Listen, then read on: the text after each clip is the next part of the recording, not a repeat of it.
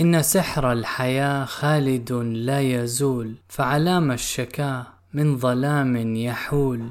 ثم يأتي الصباح وتمر الفصول سوف يأتي ربيع إن تقضى ربيع. بسم الله الرحمن الرحيم. التقدم نحو الإسلام توطئة لكتاب الأزمة الدستورية في الحضارة الإسلامية بقلم الشيخ راشد الغنوشي.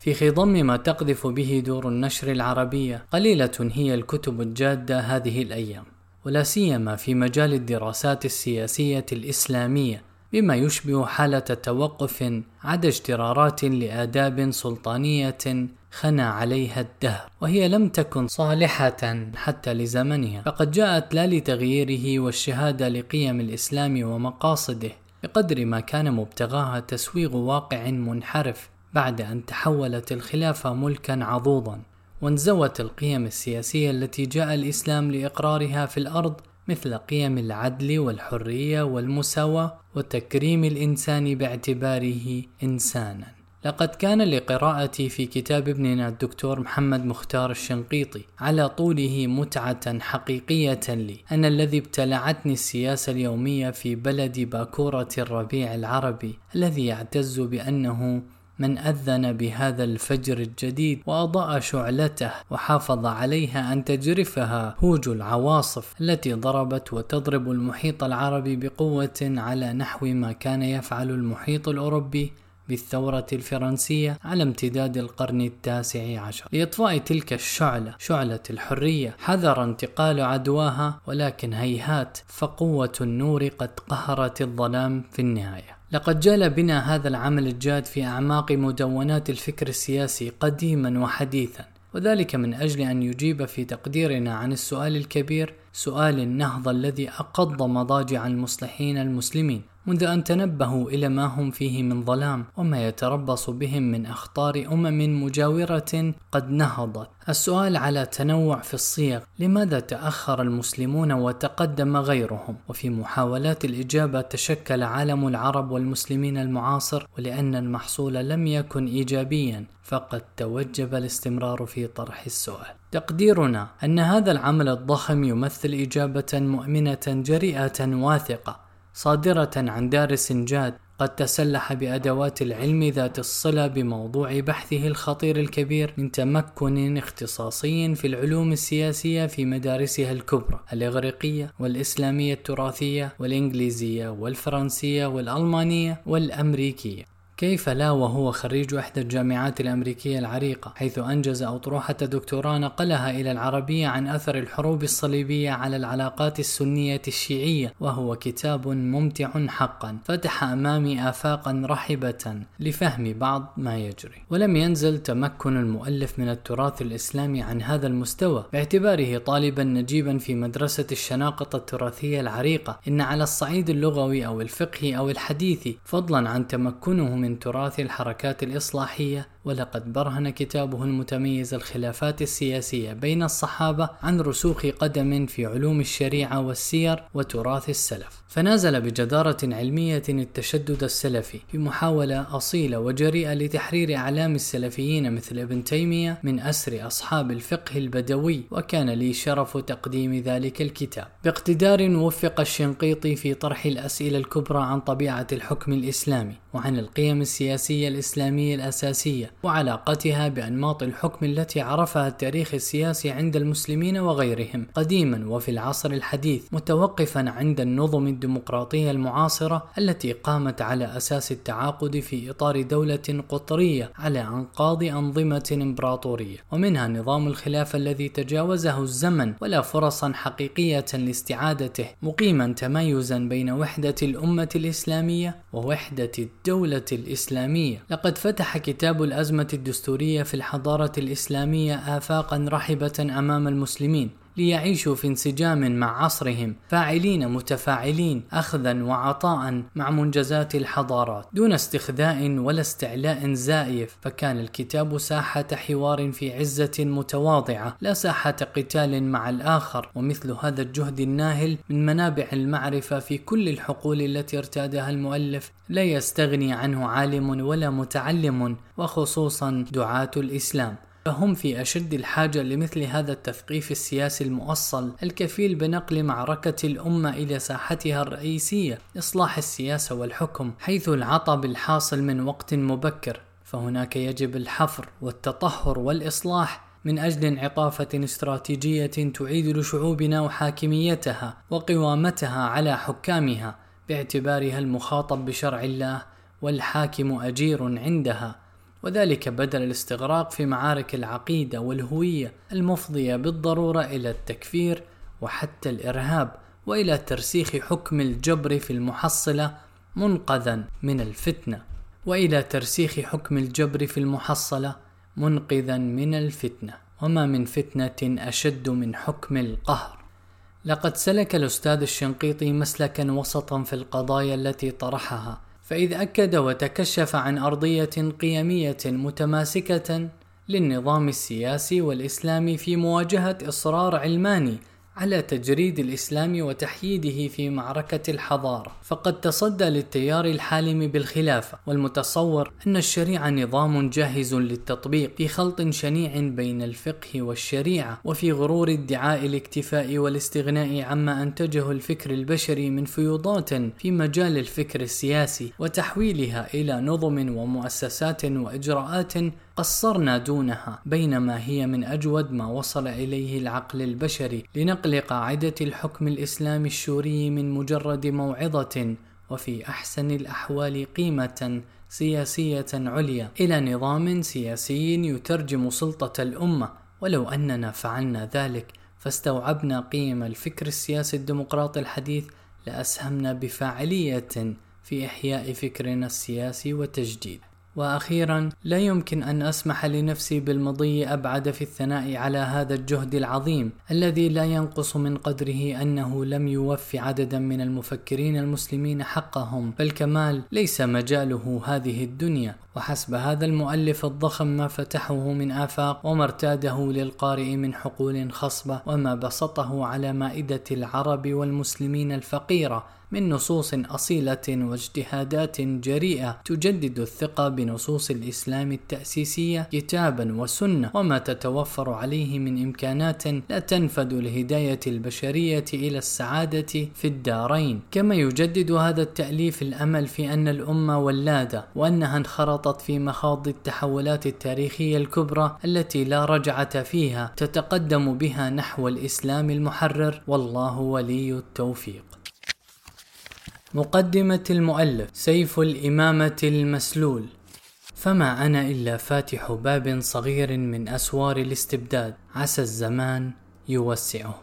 الكواكب طبائع الاستبداد. هذه دراسة عن الأزمة الدستورية للحضارة الإسلامية. تعتمد النص الإسلامي معيارا والتجربة التاريخية الإسلامية موضوعا وخروج المسلمين من أزمتهم السياسية غاية.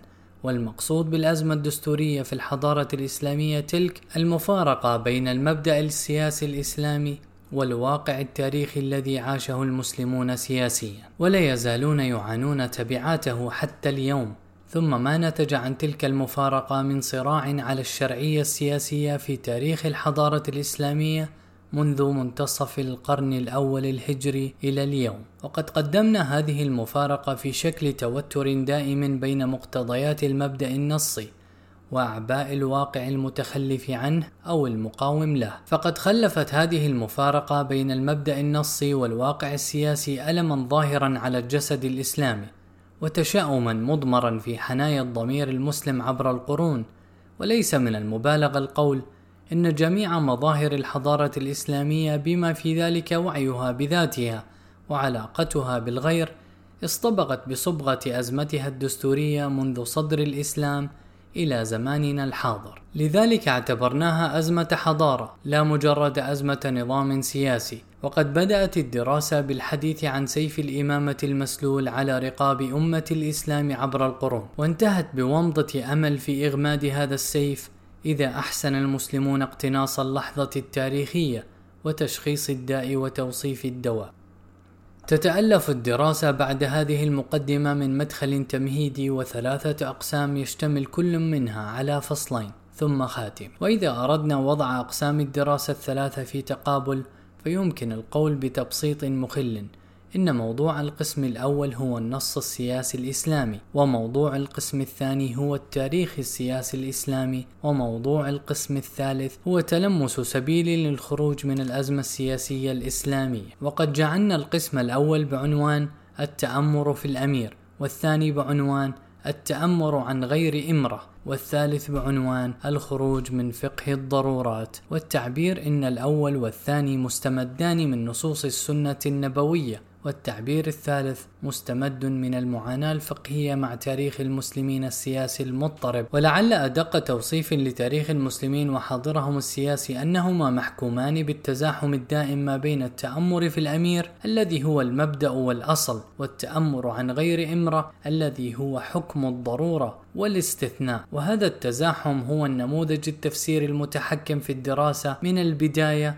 إلى النهاية. بدأ المدخل بالحديث عن سيف الإمامة المسلول على رقاب أمة الإسلام في معظم تاريخها، وقدم التعريف الضروري للمفاهيم الأساسية المشار إليها في عنوان الدراسة، وشرح طبيعة الدراسة ومداها وغايتها، والمنهج المتبع فيها، وإسهامها المرجو في فهم المسألة السياسية الإسلامية وبيانا للنموذج التفسيري السائد فيها. وقد أسهب المدخل في شرح جملة مفاهيم استعارتها الدراسة من فلاسفة وباحثين سابقين واتخذتها أدوات تفسيرية مساندة لنموذجها التفسيري الأساسي. أملا في تحقيق ما تصبو إليه من شرح المفارقة القائمة بين النص السياسي الإسلامي والواقع السياسي الإسلامي. ويؤكد المدخل أن المبدأ السياسي الإسلامي مبدأ التأمر في الأمير أو تحكم الأمة في حكامها ظل إمكانا يأبى النسيان في مسار الحضارة الإسلامية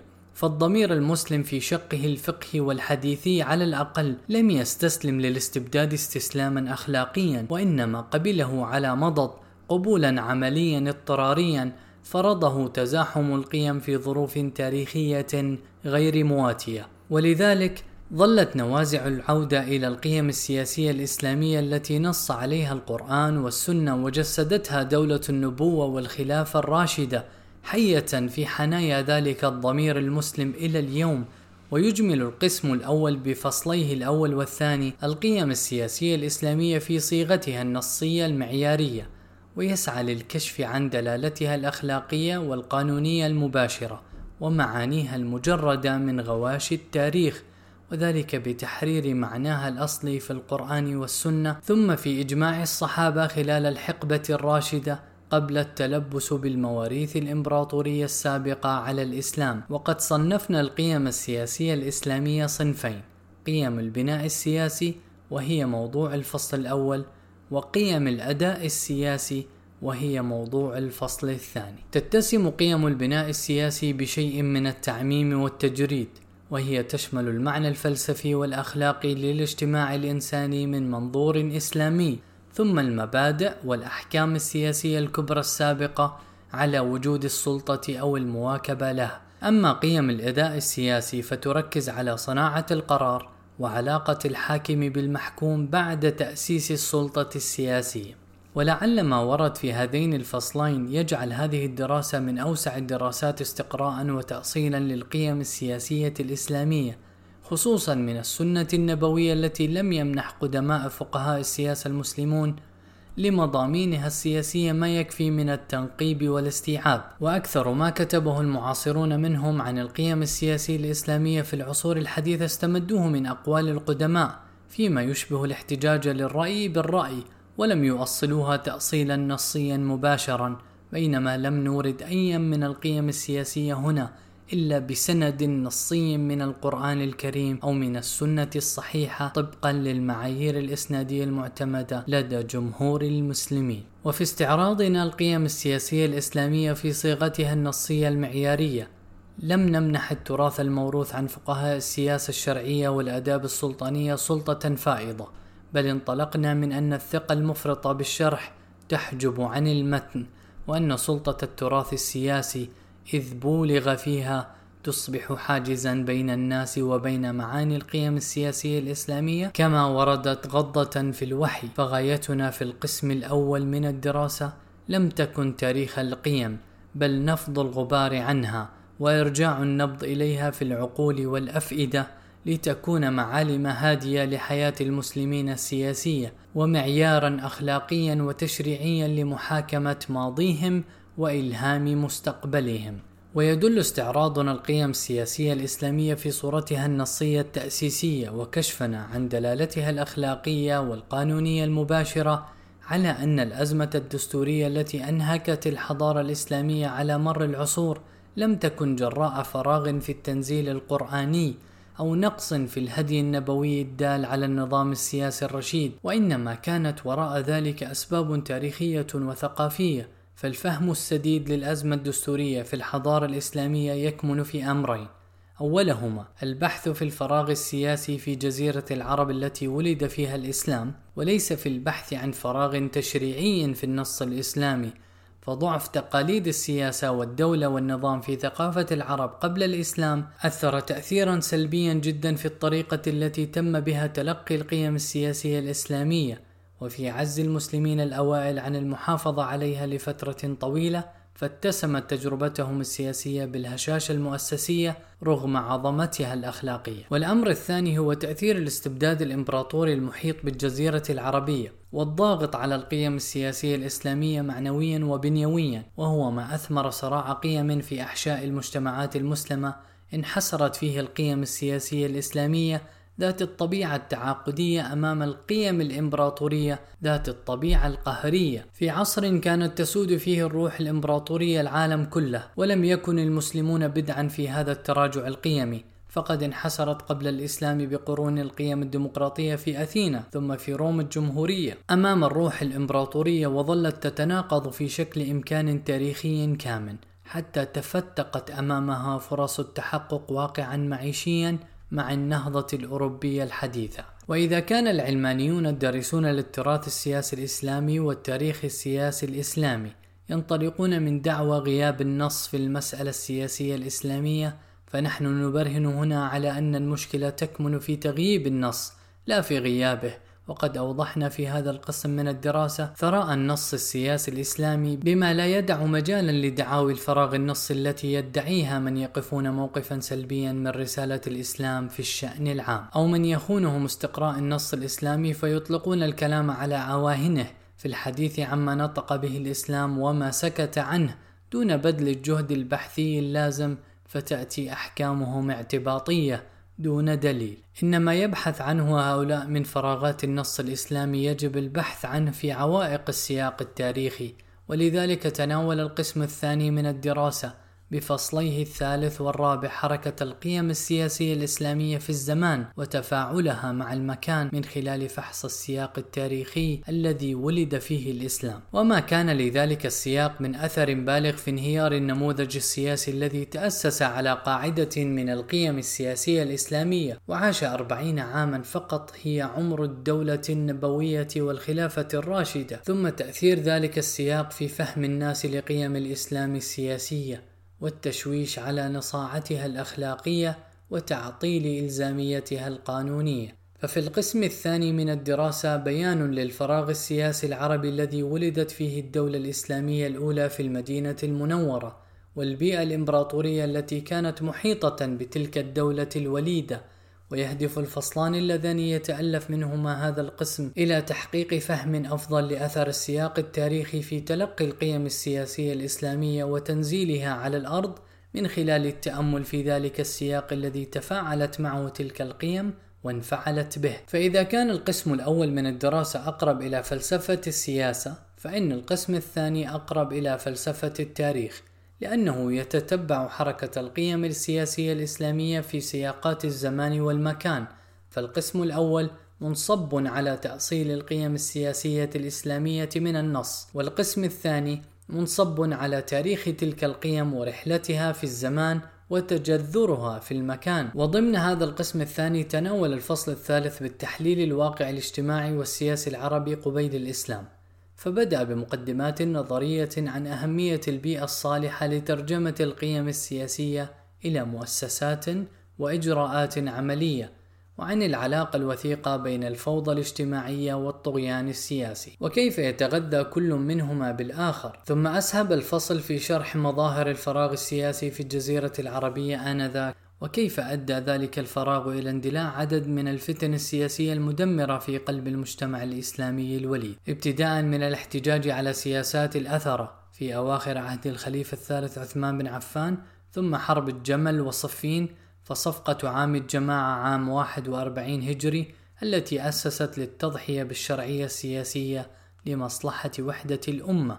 وهي المعادلة التي تحكمت في الفقه السياسي الإسلامي بوجهيه السني والشيعي من بعد ذلك. ويشرح هذا الفصل ما صحب كل هذه التحولات العميقة من انقلاب في القيم السياسية وانشطار في الذات الإسلامية ومن صراع بين القدرة العملية والعظمة الأخلاقية انتهى بانتصار القوة على الحق والبغي على العدل والملك على الخلافة كما يشرح الفصل تطور الموقف الإسلامي من الملك من قبوله على مضض حلا ظرفيا لوقف الحرب الأهلية كما حدث عام الجماعة بعد وقعة صفين إلى القبول السلبي الدائم به كما حدث بعد مجازر الأمويين التالية على بيعة يزيد بن معاوية إلى تحكم هواجس الخوف من الفتنة في العقل المسلم وإضفاء الشرعية على الواقع السائد ومنح الملوك الغير شرعيين حقوق الخلفاء الشرعيين كما حدث في العصر العباسي وبعده. أما الفصل الرابع فيتناول السياق التاريخي الذي احتك به الإسلام خارج الجزيرة العربية خلال اندفاعات الفتوح الأولى، وقد بينا في هذا الفصل أن الإسلام ولد بين زمنين قديم وحديث، وعالمين شرقي وغربي. وأن قيم الإسلام السياسية تجعله أقرب إلى العالم الغربي القديم بتراثه السياسي الحر منه إلى العالم الشرقي القديم بتراثه الجبري الاستبدادي وبعد وقفة خفيفة مع ذبول الديمقراطية اليونانية الرومانية قبل الإسلام وضعف التفاعل بين القيم السياسية الإسلامية والتراث الديمقراطي اليوناني الروماني يسهب الفصل في تحليل وطأة الثقافة الساسانية على القيم السياسية الإسلامية. وقد فصلنا القول في هذا الفصل عن الإسهام الثقافي الفارسي في الحضارة الإسلامية بوجهيه المضيء والقاتم وكشفنا عن ظاهرة ثقافية عتيقة جدا وهي ترويض بلاد فارس لفاتحيها خلال ألفي عام من الإسكندر المقدوني إلى إسماعيل الصفوي. وكيف أن الفتح الإسلامي لم يكن استثناء من هذا الترويض؟ وقد أدى الترويض الساساني للقيم السياسية الإسلامية إلى اندراج العالم الإسلامي سياسيا على الأقل في العالم الشرقي القديم الذي خصص له هيجل كتابه العالم الشرقي ووصف الثقافة الاستبدادية الضاربة الجذور في تربته. وبعد توصيف ضاف للسياق التاريخي اتخذ الفصل من وثيقة عهد أردشير مثالا على الاختراق الثقافي الساساني للقيم السياسية الإسلامية فقدم لمحة عن أردشير وعن عهده هذا ثم عن مسار هذه الوثيقة السياسية المهمة في خضم الثقافة الإسلامية ولخص محاورها الكبرى التي تركت أثرا سلبيا في ثقافة المسلمين السياسية وحملت إليها مساوئ عظيمة منها لوثة الوثنية السياسية واستخدام الدين بدل خدمته وتسويغ العسف السياسي وترسيخ الطبقية الاجتماعية. أما القسم الثالث من الدراسة بفصليه الخامس والسادس فقد سعى إلى تلمس الطريق لإخراج الحضارة الإسلامية من أزمتها الدستورية فوجد أن هذا الإخراج لا يتم إلا بتوفر شرطين اثنين أولهما الانتقال من الفتنة إلى الثورة بمعنى تحرر المسلمين من هواجس الخوف من الفتنة الذي تحكم في مزاجهم الثقافي والسياسي عبر القرون. وتبني الفعل الثوري الذي يرفض التعايش مع الاستبداد والقهر السياسي. وقد كان ذلك موضوع الفصل الخامس. أما الشرط الثاني فهو الانتقال من القيم إلى الإجراءات بمعنى تفعيل النصوص السياسية الإسلامية في واقع الحياة المعاصرة من خلال ترجمتها إلى مؤسسات سياسية وإجراءات عملية. وذاك موضوع الفصل السادس الأخير. أوضح الفصل الخامس مركزية الفتنة الكبرى وأثرها التأسيسي في التاريخ السياسي الإسلامي ثم عرج على الثورات الحجازية والعراقية الموؤودة في القرن الأول الهجري.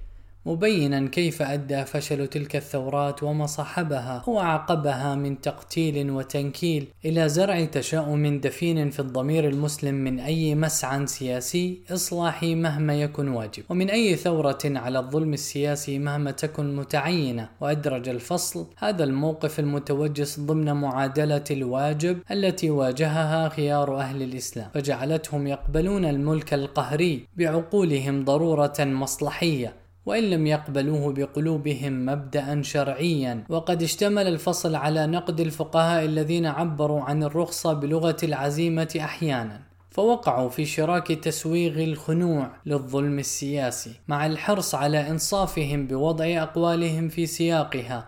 وملاحظة أنهم كانوا أفضل حالا في هذا المضمار من مؤلفي كتب الآداب السلطانية ذات النفس الساساني.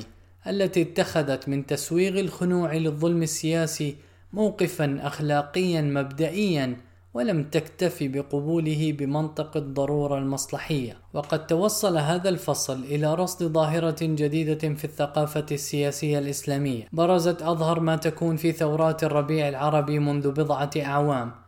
وهي تحرر الشعوب المسلمة أخيرا من مواريث الفتنة الكبرى وذيولها وتغلبها على هواجس الخوف من الفتنة الذي تحكم في الثقافة السياسية الإسلامية منذ صفقة عام الجمع. فقد تلاشى هذا الخوف من النفوس وحلت محله ظاهرة نفسية ثقافية جديدة هي الوقوف في وجه الظلم السياسي وخوض حرب وجودية ضده. لقد وجدنا أن الشرط الأول من شرطي خروج الحضارة الإسلامية من أزمتها الدستورية قد بدأ يتحقق.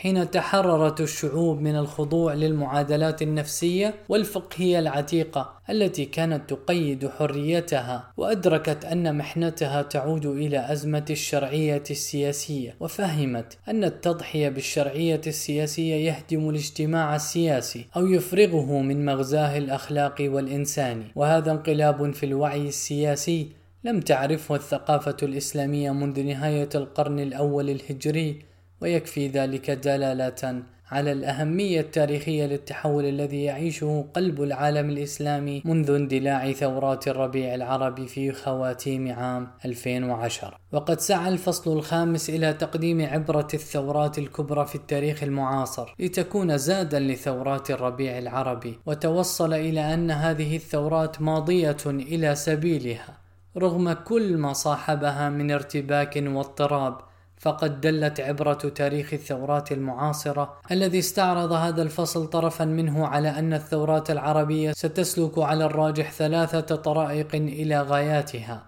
هي الإصلاح الوقائي الذي يلتقي فيه الحاكم والمحكوم في منتصف الطريق والحرب المفتوحة الطويلة التي تنهك المستبدين وتنقل الشرر إلى مظاهريهم الخارجيين فيضطرون إلى النزول عند إرادة الشعوب والانقلابات العسكرية الديمقراطية التي قد تظهر في هذا البلد أو ذاك انقاذا للموقف من انهيار شامل. أما الفصل السادس والأخير فهو يتناول الشرط الثاني لخروج الحضارة الإسلامية من أزمتها الدستورية وهو الانتقال من القيم إلى الإجراءات بمعنى ترجمة القيم السياسية الإسلامية المنصوصة التي عرضناها في القسم الأول من الدراسة إلى مؤسسات وإجراءات دستورية منسجمة مع منطق الدولة العقارية المعاصرة. وقد بدأ الفصل بالتأكيد على أن أي سعي لإخراج الحضارة الإسلامية من أزمتها الدستورية لن يفلح إلا إذا اتسم بسمتين. أولاهما أن يكون مقنعا للضمير المسلم المتعلق بالقيم السياسية الإسلامية وبتجربة الإسلام السياسية الأولى وهذا يستلزم أن لا يكون الحل حلا علمانيا منبتا عن وجدان الشعوب ومزاجها الديني والأخلاقي. وثانيتهما أن يكون منسجما مع منطق الدولة المعاصرة لا خارجا عنها أو عليها. وهذا يستلزم أن لا يكون الحل حلا سلفيا مستأسرا للصورة التاريخية المستمدة من الإمبراطوريات الإسلامية الإسلامية الغابرة. وبناء على ذلك أوضح الفصل استحالة الخيار العلماني إسلاميا واستحالة الخيار السلفي إنسانيا مبينا المنهج الإسلامي التركيب الذي يجمع بين الديني والمدني. ثم قدم الفصل معايير لإسلامية الدولة المعاصرة في شكل جدول يترجم القيم السياسية الإسلامية المنصوصة في القرآن والسنة إلى أحكام دستورية عملية في دولة معاصرة. مبينا أن الحد الأدنى لإسلامية الدولة يتضمن يتضمن شرطي الشورية بأن تكون الدولة ديمقراطية والمرجعية بأن تستند الدولة إلى النص الإسلامي أخلاقا وتشريعا مع ضرورة التمييز بين الالتزام الأخلاقي والإلزام القانوني. وأهمية الانتقال من ثقافة الإكراه والقهر والزجر إلى ثقافة الإقناع والتراضي. وقد أفاض الفصل في الحديث عن الديناميكية الثقافية التي ظهرت في صدر الإسلام وضرورة استلهامها في الزمن الحاضر.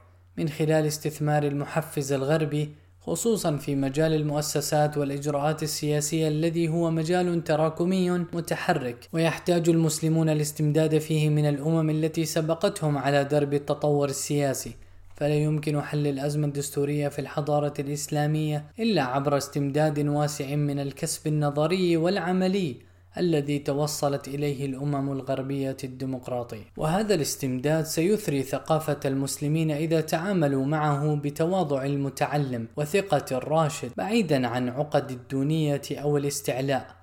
وسينبههم هذا الاستمداد على إمكانات معطلة في دينهم ما كانوا لينتبهوا إليها دون ذلك وقد أكد الفصل ضرورة أن يبذر المسلمون في تربتهم الثقافية الخاصة وأن يتملكوا ما يستمدونه من حضارات وثقافات أخرى. فاستعارة الفكرة في ذاتها لا تكفي لجعلها زادا صالحا بل يتعين تملك الفكرة ونقعها في رحيق الثقافة المستعيرة وإخضاعها لمنطقها الأخلاقي والعملي. وأخيرا خلص الفصل إلى ضرورة انتقال الثقافة الإسلامية من من منطق الإمبراطورية القديمة إلى منطق الدولة العقارية المعاصرة. بما يعنيه ذلك من مساواة بين المواطنين مسلمين وغير مسلمين في الحقوق والواجبات فمن التناقض الأخلاقي والمنطقي أن يدعو المسلم إلى دولة العدل والحرية وهو يحرم مخالفيه في المعتقد ممن تجمعهم به أرحام الدم واللسان والتاريخ والجغرافيا من التمتع بثمارها في هذا المضمار فذلك تطفيف مناقض لمنطوق القرآن وهو يضع المسلم في مفارقة أخلاقية لا تليق به ولا برسالته لأنها تجعله ضحية للظلم ومسوغا له في الوقت ذاته. إن إيجاد حل الأزمة الدستورية المزمنة في المجتمعات ذات الغالبية المسلمة أصبح اليوم ضرورة إسلامية وإنسانية أكثر من أي وقت مضى. فهو ضرورة إسلامية من حيث الحاجة إليه في وقف نزيف الدم الحالي في العالم الإسلامي وبناء الحد الأدنى من التوازن في المجتمعات الإسلامية التي أضناها التمزق والصراعات الوجودية بين الحكام والمحكومين. وهو ضرورة إنسانية من حيث حاجة البشرية إلى قيم الإسلام لتجديد نضارة الحضارة الإنسانية التي نخرتها الفلسفات الذرائعية والنسبية والعدمية المعاصرة وعانت من انباتات الوسائل السياسية عن غاياتها الأخلاقية والإنسانية وإلى مجتمعات مسلمة متصالحة مع ذاتها ومع بقية البشرية. فإخراج الحضارة الإسلامية من أزمتها الدستورية لن تكون ثمرته مقتصرة على المجتمعات المسلمة بل سيكون اسهاما في حل أزمة الحضارة الإنسانية المعاصرة. ونحن نعترف بأن إخراج الحضارة الإسلامية من أزمتها الدستورية ليس بالأمر السهل البسيط بل هو أمر أمر صعب ومركب يشمل العمل على جبهات شتى فنحن أمة تأنف من التقليد وتقصر في الاجتهاد فهي لا تريد سلوك طريق الآخرين دون تمحيص ولذلك فإن الحلول التي يقترحها بعض العلمانيين والليبراليين في المجتمعات المسلمة حلول خداعة لأنها تستسهل الصعب وترسخ التقليد وبالمثل فإن الحلول المستأثرة للصورة التاريخية والساعية إلى استنساخها في سياق مغاير نوعيا كما يفعل بعض السلفيين هي حلول خداعة أيضا لأنها تقتل الاجتهاد وتعمق الانسداد. وقد أسهم عدد من أعلام المسلمين في العصر الحديث في السعي لإخراج الحضارة الإسلامية من معضلتها السياسية وتفاوت إسهام كل من هؤلاء الأكابر في عمقه ومداه وزاوية اهتمامه من تصحيح المفاهيم الكلية وبيان شمول الإسلام وخصوصياته السياسية إلى إحياء الأخلاقي الضروري للتحرر السياسي إلى التنقيب التاريخي عن جذور الاستبداد في موروث المسلمين الثقافي إلى تشخيص مسائل تساوي الاستبداد على مختلف جوانب الحياة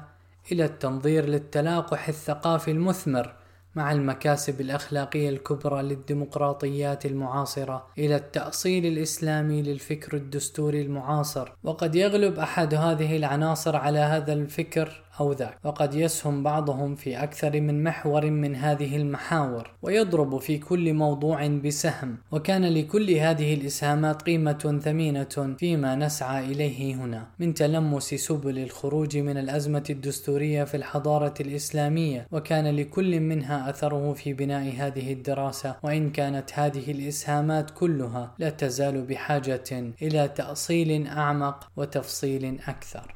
لا يوجد في تراث المسلمين فكر لصناعة الثورات وإنما فقه للتحذير من الفتن ولذلك يتعين على أهل الرأي والقلم اليوم أن يسدوا هذه الثغرة. وينير الدرب للسائرين على درب العدل والحرية وما تطمح إليه هذه الدراسة هو الإسهام في فض الاشتباك بين المسلمين في شأن الإسلام ومصدريته السياسية. فهي تبين لمن يسيئون الظن بالنص الإسلامي عظمة القيم السياسية الإسلامية المنصوصة ومرونتها وقدرتها على استيعاب حركة الزمان كما تبين لمن يحسنون الظن بتراث المسلمين السياسي وبتجربتهم السياسية السالفة جوانب القصور والضمور في ذلك التراث وتلك التجربة. وعجزهما عن إسعاف المسلمين المعاصرين أو إخراجهم من مأزقهم السياسي فإن حققت الدراسة هذه الغايات فإنها تكون فتحت ثغرة في الطريق المسدود وقدمت مسوغا كافيا للأمل في المستقبل. ولا يسعني قبل ختام هذه المقدمة سوى التعبير عن شكري وعرفاني بالجميل للدكتور محمد بن حامد الأحمري على ترحيبه بنشر هذا الكتاب ضمن منشورات منتدى العلاقات العربية الدولية في قطر. كما أعبر عن شكري وعرفاني بالجميل للشيخ راشد الغنوشي على تكرمه بكتابة تقديم جميل لهذه الدراسة يحمل الهم النظري والعملي لموضوع الكتاب. وللدكتور سيف الدين عبد الفتاح على مراجعته الكتاب وإثراء النص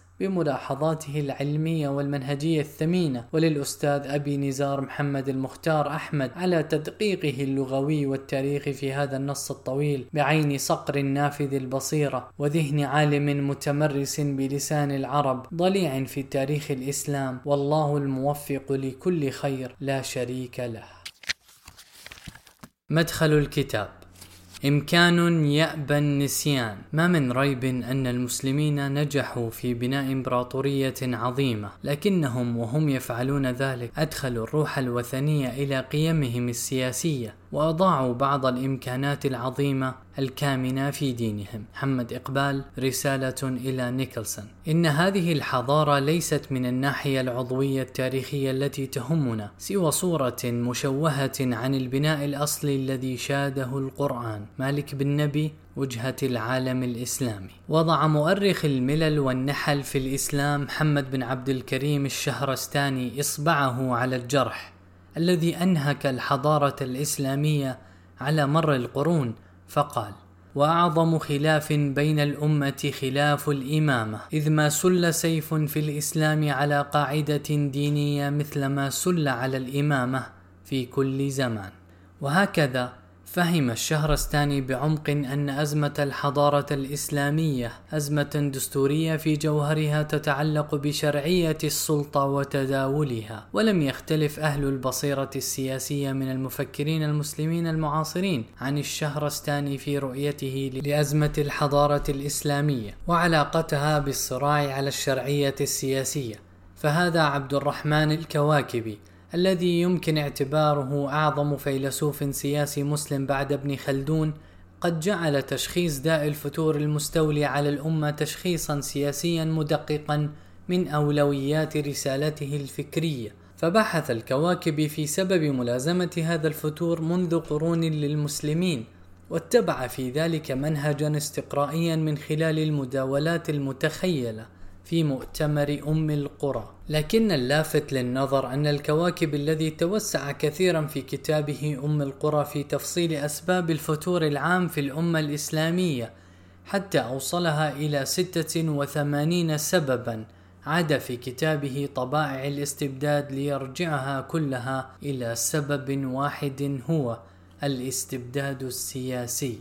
فربط الكواكب حالة الفتور العام في الحضارة الإسلامية بالاستبداد ربط معلول بعلة وجعل الاستبداد أصل الداء وسر البلاء ولم يجد له من علاج غير الشورى الدستورية فكتب في صدر كتابه. وحيث إني قد تمحص عندي أن أصل الداء هو الاستبداد السياسي ودواؤه دفعه بالشورى الدستورية وقد استقر فكري على ذلك كما أن لكل نبأ مستقر. بعد بحث ثلاثين عاما بحثا أظنه يكاد يشمل كل ما يخطر على البال من سبب يتوهم فيه الباحث عند النظرة الأولى أنه ظفر بأصل الداء أو بأهم أصوله ولكن لا يلبث أن يكشف له التدقيق أنه لم يظفر بشيء. أو أن ذلك فرع لا أصل أو هو نتيجة لا وسيلة. لكن الكواكب خطى خطوة أبعد في التحليل مما خطاه الشهرستاني الذي اكتفى بأن لاحظ بنبرة حزينة سيف الإمامة المسلط على رقاب الأمة الإسلامية. فتوصل الكواكب إلى أن الاستبداد السياسي هو سبب الفتن السياسية التي سادت تاريخ الإسلام منذ نهاية عهد الراشدين. فكتب إن الاستبداد أعظم بلاء لأنه وباء دائم بالفتن. كما أدرك أن أغلب الخلافات الاعتقادية بين المسلمين ترجع في جذورها إلى خلافاتهم السياسية فهم تشاجروا في الخلافة والملك. وانقسموا على أنفسهم بأسهم بينهم يقتل بعضهم بعضا وتفرقوا في الدين لتفرقهم في السياسة. وقد تفاقم هذا التفرق الديني السياسي في العالم الإسلامي في العقود الأخيرة حتى إن دار الإسلام تحولت إلى دار حرب بينما المفترض أنها تكون دار سلام. وهذا ما لاحظه عالم الجغرافيا السياسية المصري جمال حمدان. فكتب بمرارة. دار الإسلام قد تحولت للأسف إلى دار حرب. في العقود الأخيرة أصبح العالم الإسلامي ساحة لحروب عديدة لا تنقطع. إما داخله بين دول إسلامية وإما حرب أهلية داخل الدولة الإسلامية الواحدة، وإما كحروب أقليات تتعرض لها الأقليات الإسلامية على تخوم العالم الإسلامي أو خارجه، وهذه الحروب تؤلف نطاقا كاملا يطوق العالم الإسلامي ويكاد يلفه لفا من أقصى الشرق إلى أقصى الغرب ومن أقصى الشمال إلى أقصى الجنوب. ولم ينس حمدان أن يذكر المسلمين أن المفروض أن دار الإسلام هي دار السلام وهو أمر صحيح بمقتضى الوحي الإسلامي وبمقتضى التقسيم الفقه التقليدي للمعمورة. وقد ذهب فيلسوف الحضارة مالك بن نبي إلى أن أسباب انحطاط الحضارة الإسلامية يرجع إلى أزمتها الدستورية المزمنة. التي بدأت بانهيار الشرعية السياسية في الفتنة الكبرى منتصف القرن الأول الهجري. فانحطاط الحضارة الإسلامية الذي اكتمل بعد ثمانية قرون من ميلادها حسب تقدير مالك بن نبي كان حصاد تراكمات بذرت بذرتها في معركة صفين خلال الفتنة الكبرى. التي كانت في ظاهرها مجرد شقاقات سياسية وعسكرية لكنها في عمقها حددت مصائر الحضارة الإسلامية ومآلاتها. لم يكن الانقلاب فجائيا إذ هو النهاية البعيدة للانفصال الذي حدث في صفين فأحل السلطة العصبية محل الحكومة الديمقراطية الخليفية فخلق بذلك هوة بين الدولة وبين الضمير الشعبي وكان ذلك الانفصال يحتوي في داخله جميع أنواع التمزق والمناقضات السياسية المقبلة في قلب العالم الإسلامي. هذه اللحظة هي نقطة الانكسار في منحنى التطور التاريخي وهي لحظة انقلاب القيم داخل حضارة معينة. وهنا لا نواجه تغيرا في النظام السياسي بل إن التغير يصيب الإنسان ذاته الإنسان المتحضر الذي فقد همته المحضرة فأعجز فقدها عن التمثل والإبداع. ومن منظور تاريخ القيم يمكن اعتبار التراث السياسي الإسلامي فكرا وممارسة تجسيدا للتداخل والصراع بين نماذج أربعة من القيم السياسية وهي نموذج التعاقد الإسلامي الذي يؤسس السلطة العامة على التراضي ويخضع الحكام لإرادة المحكومين ونموذج البداوة السياسية الذي تجسده القبيلة العربية المتمردة على فكرة الدولة وطاعتها ونموذج الإمبراطورية الفارسية المقدس للحاكم ونموذج الديمقراطية اليونانية الرومانية الذي كان مفعما بالحرية والحيوية. أما النموذج الديمقراطي اليوناني فقد تلاشى قبل الإسلام بقرون مديدة ولم يكن بقي منه يوم مولد الإسلام سوى ذكرى باهتة يتردد صداها عبر القرون.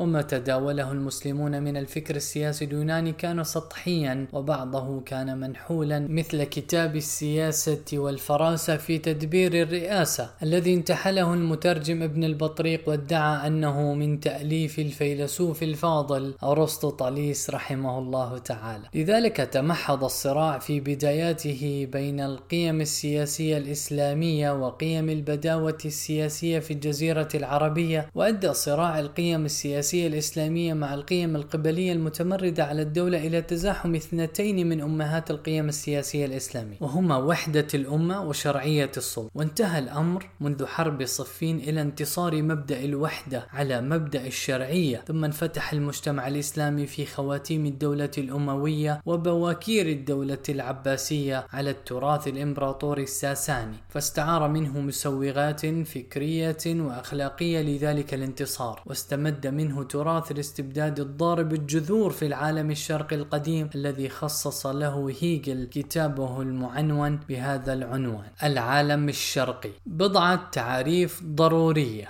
ولوضع الأمور في نصابها ربما تحتاج الكلمات الأساسية في عنوان هذه الدراسة إلى شيء من التحديد والتعريف. تحقيقا للتفاهم مع القارئ الكريم على لغة مشتركة أثناء تجواله في أرجاء هذا الكتاب. فالأصل في لفظ الأزمة في وضعه اللغوي العربي أن يستخدم في وصف القحط والشدة وأكثر ما ورد هذا اللفظ كان في سياق المدح لأجواد العرب وشجعانهم. ممن تصدروا في أوقات الشدائد الاجتماعية فأطعموا الجوع في أيام القحط ودفعوا عن الضعفاء عادية الأعداء. ومن ذلك قول أحد شعراء قبيلة شيبان متمدحا بقومه المنعمون إذا ما أزمة أزمت والواهبون عتيقات المزاويد. وقول الفرزدق يمدح آل البيت النبوي هم الغيوث إذا ما أزمة أزمت والأسد أسد الشرى والبأس محتدم. فما نقصده بالأزمة في عنوان هذه الدراسة هو في الأساس أزمة الشرعية السياسية في بناء السلطة ابتداء. ثم ما يترتب عليها عادة من معضلات في أداء السلطة بعد ذلك فيجمعه مع الوضع اللغوي للفظ الأزمة معنى الشدائد والمصاعب الاجتماعية العامة. وتشير العلوم السياسية المعاصرة إلى أن أزمة الشرعية السياسية في أصلها ذات طبيعة بنائية وقد تكون ذات طبيعة أدائية أحيانا في البنائية تتعلق بانعدام التراضي السلمي وعز القوى الاجتماعية عن التواضع على صيغ عملية سلمية لتداول السلطة ابتداء والأدائية تتعلق بعز السلطة القائمة أو خيانتها لأمانة الحكم بعد أن تتقلده.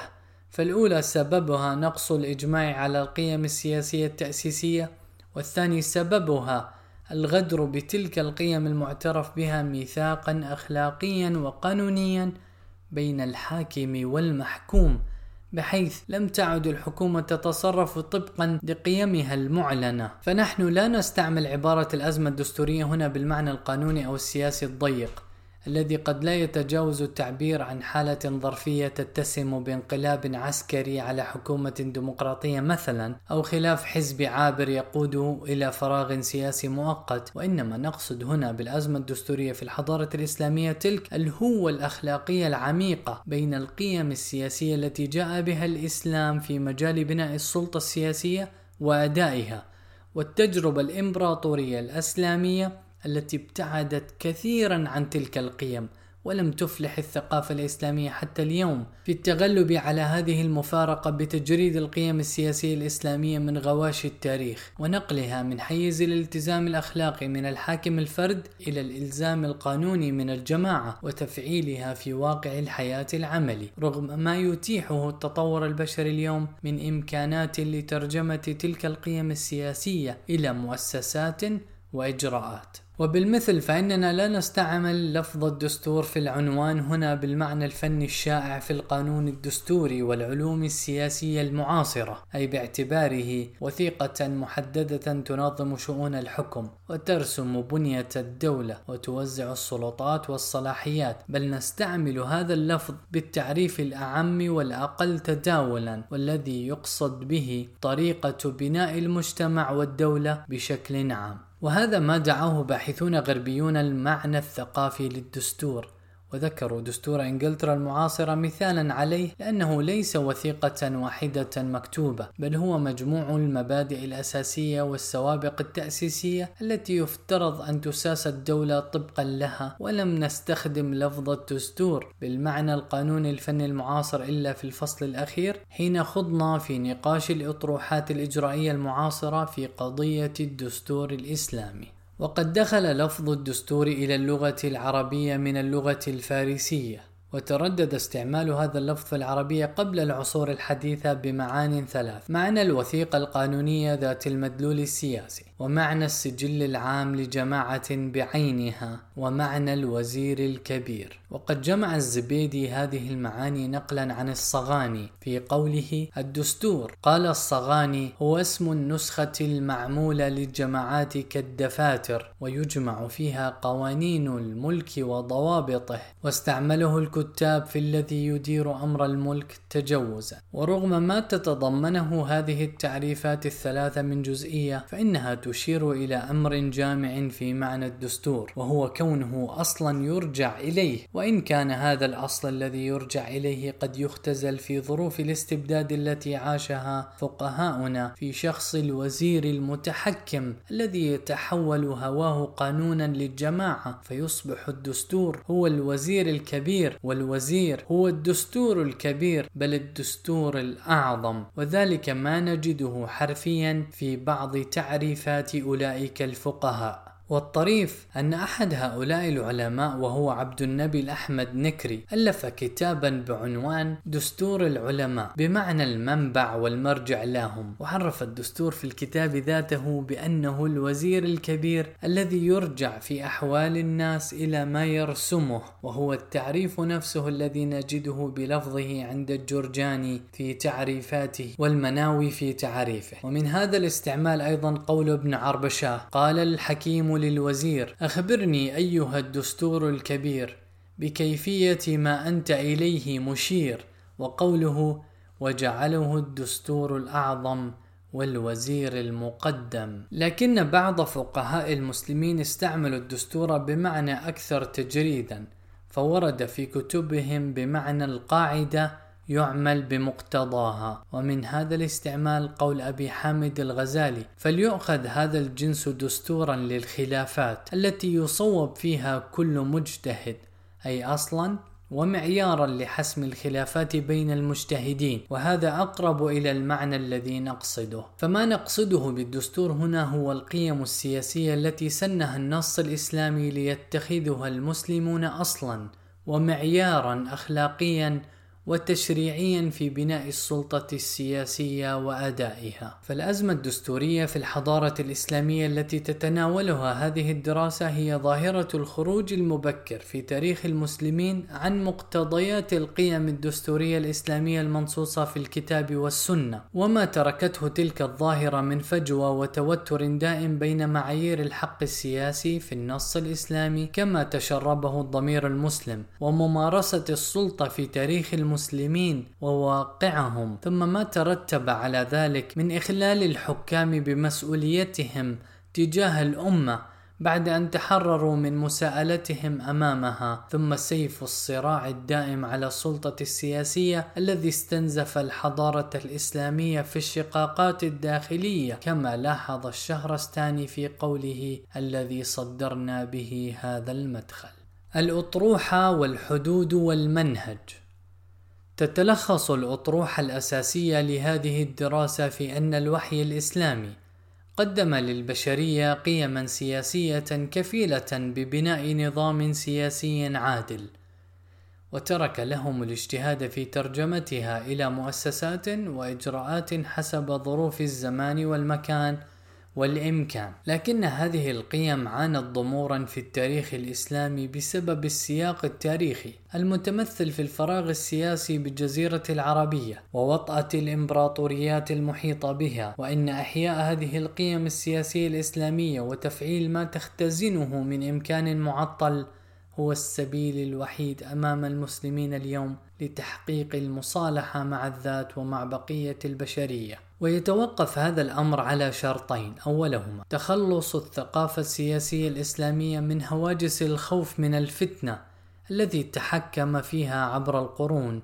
وتبنيها مبدأ الثورة على الظلم السياسي. والثاني ترجمة القيم السياسية الإسلامية إلى إجراءات دستورية تستجيب لمقتضيات الوحي الإسلامي ولطبيعة الدولة العقارية المعاصرة. وتكمن إشكالية الدراسة في وجود مفارقة بين ثراء النصوص التأسيسية الإسلامية بالقيم السياسية التي تكفل البناء السياسي العادل وفقر تاريخ المسلمين وواقعهم في تحويل هذه القيم النصية إلى مؤسسات سياسية وإجراءات قانونية.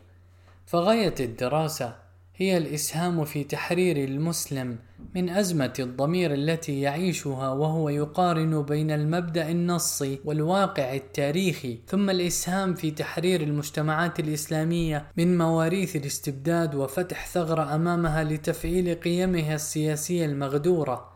لذلك تسعى الدراسة إلى الجواب عن أربعة أسئلة محورية ومتداخلة. أولها ما هو نصيب كل من القيم الإسلامية والأعراف العربية والثقافة الساسانية والفكر اليوناني في تشكيل رؤية المسلمين خلال تاريخهم الطويل للمسألة السياسية. ثانيهما ما هو أثر كل من السياق التاريخي وتزاحم الثقافات في قبول المسلمين لقيم سياسية تناقض قيم الإسلام المنصوصة؟ وثالثهما كيف يمكن إحياء القيم السياسية الإسلامية التي وقع عليها الحيف في تاريخ المسلمين وفكرهم والاستفادة من إمكاناتها التي تعطلت تاريخيا في السياق المعاصر. ورابعها كيف يمكن الاستمداد من الفكر السياسي الغربي والتجربة السياسية الغربية دون تفريط في النهضة لصالح الهوية أو في الهوية لصالح النهضة وتطمح الدراسة في الإسهام في الخروج من طوق الفقه السياسي الموروث بكشف السياقات الإمبراطورية التي تشكل في رحمها وهي تختلف جذريا عن سياقات الدول العقارية المعاصرة. ووضع فهوم الفقهاء الأقدمين للقيم السياسية الإسلامية في سياق الزمان والمكان. المكان ومحاكمتها بمحكمات الوحي بلا مجاملة واحترامها دون التزامها. كما تطمح الدراسة إلى الإسهام في بناء وعي تاريخي يعين على فهم فعل القيم السياسية الإسلامية في التاريخ وانفعالها بها. ثم التوصل إلى صيغ عملية تعين المسلمين على الخروج من أزمتهم الدستورية من خلال استلهام الوحي الإسلامي واستثمار المحفز الثقافي الغربي دون إحساس بالدونية أو بالاستعلاء والتحرر من المعادلة الصعبة التي جعلت المسلمين المعاصرين يأنفون من التقليد ويقصرون في الاجتهاد. وتقع الدراسة على الحدود بين علم الأخلاق والفلسفة السياسية وفلسفة التاريخ. فهي تنتمي إلى علم الأخلاق من حيث اهتمامها بالقيم السياسية التي هي لباب الدراسة. سواء بتأصيل هذه القيم معياريا في القسم الأول أو بالكشف عن تكيفها مع الواقع التاريخي وتكييفها له في القسم الثاني. الثاني أو بالسعي إلى إحيائها في حياة المجتمعات الإسلامية اليوم في القسم الثالث فهذه الدراسة تنقيب في الجذور الأخلاقية والتشريعية للقضية السياسية في الحضارة الإسلامية ولعلها تندرج ضمن ما دعاه جان جاك روسو قديما مبادئ القانون السياسي في العنوان الفرعي لكتابه الأشهر في العقد الاجتماعي. وفيما دعاه إيان شابيرو في أيامنا الأسس الأخلاقية للسياسة في كتابه المعنون بهذا العنوان. مع اختلاف السياق الغربي الذي تناوله كل من روسو وشابيرو والسياق الإسلامي الذي هو مجال اهتمامنا هنا. كما تنتمي الدراسة إلى الفلسفة السياسية من حيث سعيها إلى إيجاد أجوبة عن ما دعاه جلين تندر الأسئلة الأبدية في الفكر السياسي أي القضايا الكبرى التي شغلت فلاسفة السياسة منذ فجر التاريخ إلى اليوم مثل ضرورة الاجتماع السياسي ومصدر شرعية السلطة والتوصيف الأخلاقي والقانوني للمنصب العام وطرق تحقيق العدل بين الناس وحرية الفرد في وجه السلطة وحق الناس في مقاومة ظلم الحكام وما شاكل ذلك من قضايا. وأما انتماء الدراسة إلى فلسفة التاريخ فيتمثل في سعيها إلى الكشف عن فعل الزمان والمكان في القيم السياسية الإسلامية والعوامل التاريخية التي أثرت فيها فطوعتها إلى حد كبير لمنطق الإمبراطوريات القهرية التي كانت محيطة بالجزيرة العربية في فجر الإسلام وقد استعارت الدراسة مقولات تفسيرية من بعض فلاسفة التاريخ المسلمين والغربيين وبنت على تلك المقولات سعيا إلى صياغة تفسير أكثر تركيبا واستيعابا للأزمة الدستورية في الحضارة الإسلامية. من المنظور التاريخي. ونظرا إلى تعدد أوجه الدراسة فقد تعددت مناهج التناول المتبعة فيها وساد في بعض الفصول منهج بعينه بحكم خصوصية ذلك الفصل. فساد المنهج المعياري مثلا في القسم الأول الذي يضم الفصل الأول والثاني لأنه قسم تأسيسي تجريدي. غايته استخلاص المعايير الأخلاقية والقانونية الكبرى في المسألة السياسية من نصوص الوحي الإسلامي ثم تعانقت المناهج السوسيالية السوسيولوجية والتاريخية والمقارنة في القسم الثاني الذي يضم الفصل الرابع والخامس لأن التركيز فيه انصب على تفاعل القيم السياسية الإسلامية مع سياقات الزمان والمكان والإمكان.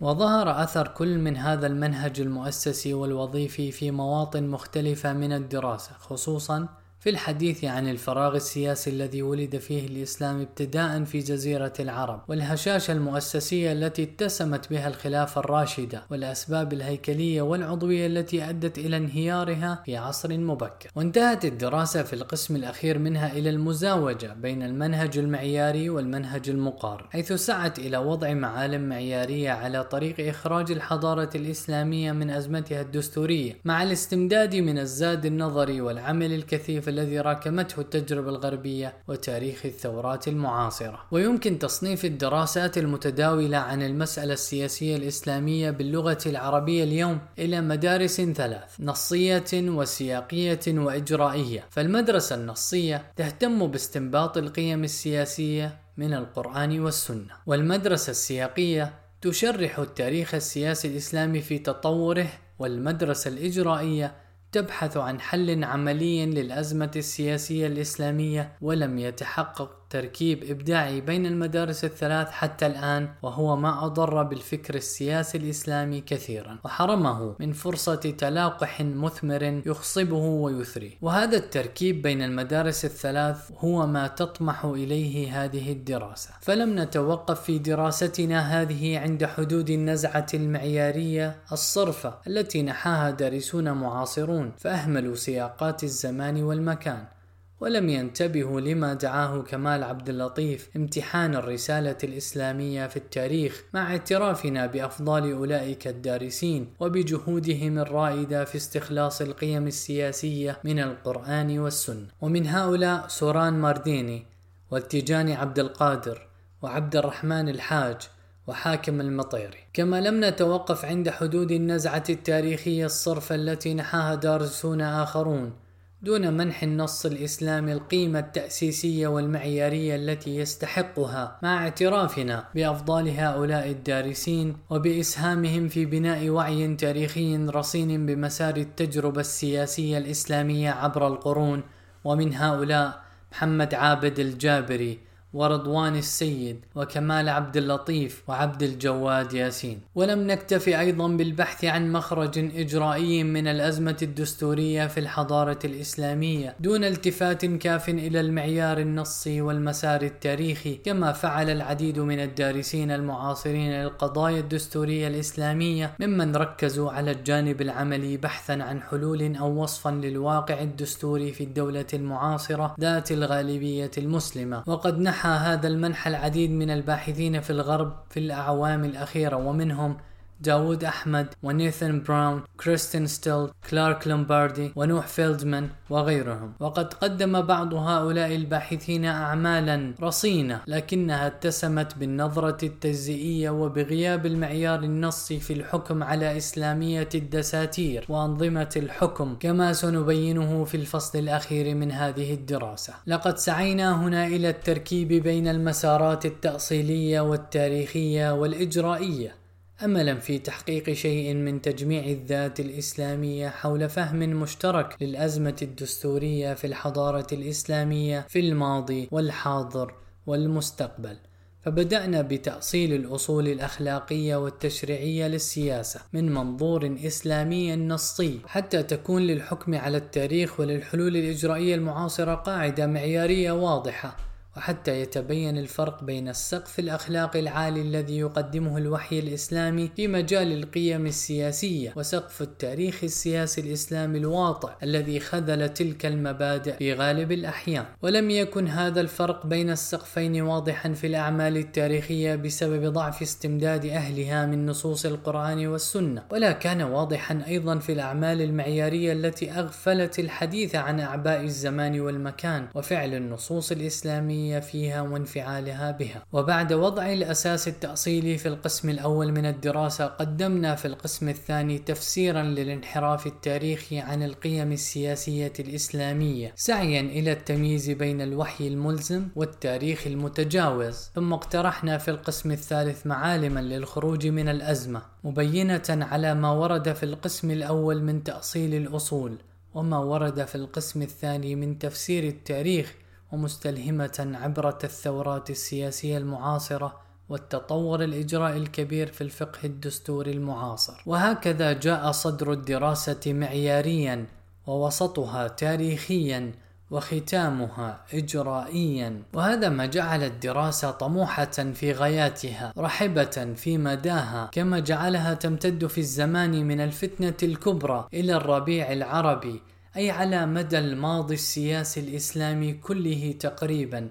وتفتح جسورا إلى المستقبل الآتي. وقد تكون هذه الرحابة في الموضوع والامتداد في الزمان حرمت الدراسة فرصة التفصيل الذي تتسم به الدراسات المقتصرة على بعد واحد من الأبعاد الثلاثة التي جمعناها هنا بين دفتين. لكن هذه الرحابة كفلت للدراسة نظرة واسعة على الصورة الكلية مع تكثيف شديد نرجو ألا يكون قد أثر في أصالة التأصيل وسلامة التحليل. فمن أهم ما نطمح إلى تحقيقه من هذه الدراسة أن تكون جسرا بين هذه المدارس الثلاث التي تتنازع اليوم الثقافة السياسية الإسلامية وتتجاذب الدراسات السياسية المهتمة بالإسلام. وقد حرصنا على بناء هذا الجسر رغم ما يجشمه من مزيد جهد ومشقة بسبب ما لاحظناه من حالات البتر السائدة في دراسة المسألة السياسية الإسلامية. فقد وجدنا أن من اقتصروا على التأصيل وبسط القيم السياسية في النص الإسلامي مهما أجادوا التأصيل قد تركوا في أذهان قرائهم تساؤلا كبيرا حول المصائر التاريخية لهذه المبادئ السياسية المبثوثة في الوحي. كما تركوا تساؤلا آخر في الأذهان عن الصيغ الإجرائية العملية التي يمكن أن يستلهم المسلمون عبرها هذه القيم السياسية في سياق الزمن الحالي. الحاضر وتعاني مدرسة التأصيل الشرعي في شقها السلفي من مشكلة الاستس... من مشكلة الاستئثار للتاريخ والاحتماء بالهوية.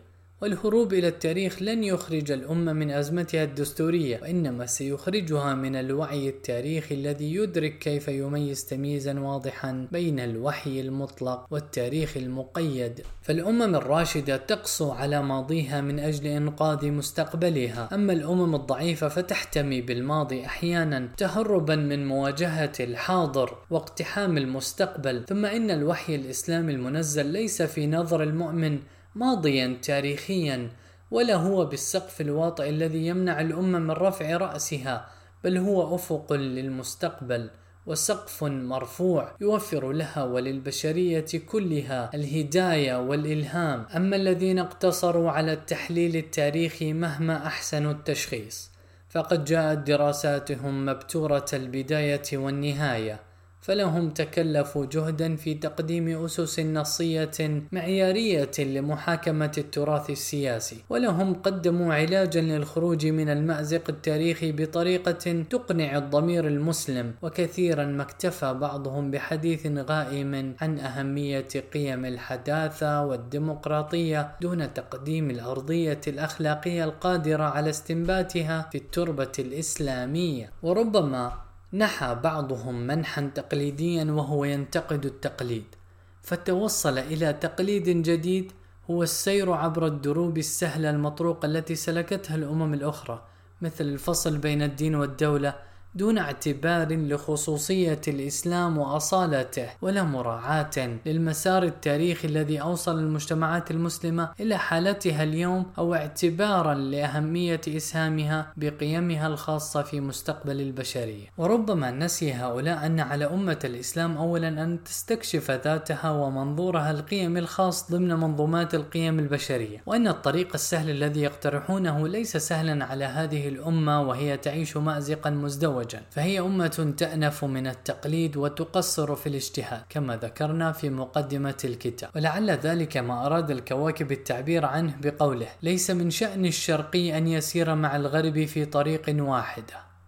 فلا تطاوعه طباعه على استباحة ما يستحسنه الغربي وإن تكلف تقليده في أمر فلا يحسن التقليد وإن أحسنه فلا يثبت. لذلك فإن هذه الأمة في مسيس الحاجة اليوم إلى من يحثها على الاجتهاد الجاد والتنقيب المضني في مصادر إلهامها الذاتية وتأمل تجربتها التاريخية الخاصة بعين ناقدة لا من يفتح أمامها تقليدا جديدا ليكون بديلا للتقليد القديم فيطفئ نار الفكر في العقول ويطمس نور الوحي في الضمائر. وبالإضافة إلى ما نرجوه من تحول الدراسة إلى جسر بين المدارس الثلاث التأصيلية والتاريخية والإجرائية. فإننا نرجو أن نكون أيضا جسرا بين الثقافة الإسلامية والفكر الإنساني عموما وبينها وبين الفكر الديمقراطي الغربي خصوصا. فالقسم التاريخي من الدراسة يبين أن الإسلام في روحه التحررية كان أقرب إلى العالم الغربي القديم ذي التقاليد الديمقراطية العريقة منه إلى عالم الشرق القديم ذي التقاليد الاستبدادية العريقة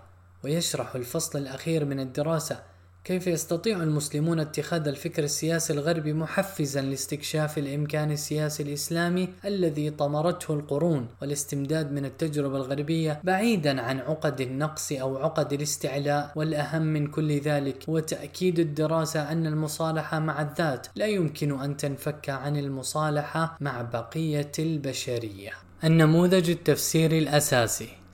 لقد توسعت المعرفة الأفقية بالمسألة السياسية في الإسلام كثيرا خلال العقود القليلة الماضية، فصدر عدد وافر من الكتب عن هذا الموضوع باللغة العربية، كما صدرت أعمال موسوعية بالإنجليزية في هذا المجال، من أهمها موسوعة أوكسفورد عن الإسلام والسياسة التي ترأس تحريرها عماد الدين شاهين، وموسوعة برينستون للفكر السياسي الإسلامي الذي ترأس تحريرها جيرهارد بورينغ، فما ينقص المسألة السياسية في الإسلام اليوم لم يعد المعرفة الأفقية التي تحقق منها الكثير بل الجهد التحليلي الذي يضفي المعنى على هذا التراث السياسي الضخم والتاريخ السياسي العريق والواقع السياسي المعقد. والنموذج التفسيري الأساسي التي تنبني عليه هذه الدراسة هو وجود توتر دائم في التاريخ السياسي الإسلامي بين التأمر في الأمير والتأمر عن غير إمرة. وقد استفادت الدراسة أيضا من مقولات تفسيرية مهمة تقدم بها فلاسفة ومفكرون من قبل. قبل وسنشرحها في مكانها من هذا المدخل. لكننا نبدأ بشرح النموذج التفسيري الأساسي الذي انبنت عليه الدراسة. إن مجمل القيم السياسية الإسلامية تنصب في مسار واحد. وتتجه وجهة واحدة هي التأمر في الأمير أي تحكم الأمة في حكامها من حيث اختيارهم ابتداء بكل حرية. والمشاركة معهم في صناعة القرار بعد ذلك ثم محاسبتهم إن قصروا وعزلهم إن خانوا أو عجزوا. أما التأمر عن غير إمرة فهو الجواب الإسلامي عن تزاحم القيم السياسية وتحكم الضرورات في الواقع العملي وهو تضحية مؤقتة بالشرعية السياسية لمصلحة وحدة الأمة ووجود الدولة. فالتأمر في الأمير يمثل العزيمة في الحالة الطبيعية والتأمر عن غير إمرة يمثل الرخصة في حالة الضرورة. ومعادلة التأمر في الأمير والتأمر عن غير إمرة مستمدة بطرفيها من السنة النبوية وهو ما يمنح هذا النموذج التفسيري أصالته الإسلامية وجدته الخاصة. فقد وجدنا أبلغ تعبير عن منظومة القيم السياسية الإسلامية في عبارة التأمر في الأمير الواردة في قصة وفاة النبي صلى الله عليه وسلم واختيار الصحابة أبي بكر خليفة من بعده. فقد روى جرير بن عبد الله حوارا بينه وبين ذي عمرو أحد حكماء اليمن اليمن الذين أسلموا فقال رفع لنا ركب من قبل المدينة. فسألناهم فقالوا قبض رسول الله صلى الله عليه وسلم واستخلف أبو بكر والناس صالحون فلما كان بعد قال لي ذو عمرو يا جرير إن لك علي كرامة وإني مخبرك خبرا. إنكم يا معشر العرب لن تزالوا بخير. ما كنتم إذا هلك أمير تأمرتم في آخر. فإذا كانت بالسيف كانوا ملوكا. فيغضبون غضب الملوك ويرضون رضا الملوك. وفي رواية إنكم لن تزالوا بخير ما إذا هلك أمير ثم تأمرتم في آخر. فإذا كانت بالسيف غضبتم غضب الملوك ورضيتم رضا الملوك. وقد ورد الحديث بصيغة تأمرتم في آخر وبصيغة تآمرتم في آخر. وكلتا الصيغتين تدل على معنى تحكم الأمة في حكامها. وإن كان لفظ التأمر على وزن التفعل أقوى في دلالته وصيغته الصرفية من لفظ التآمر على وزن التفاعل. فالتأمر لغة هو التسلط. قال الرازي تأمر عليهم تسلط.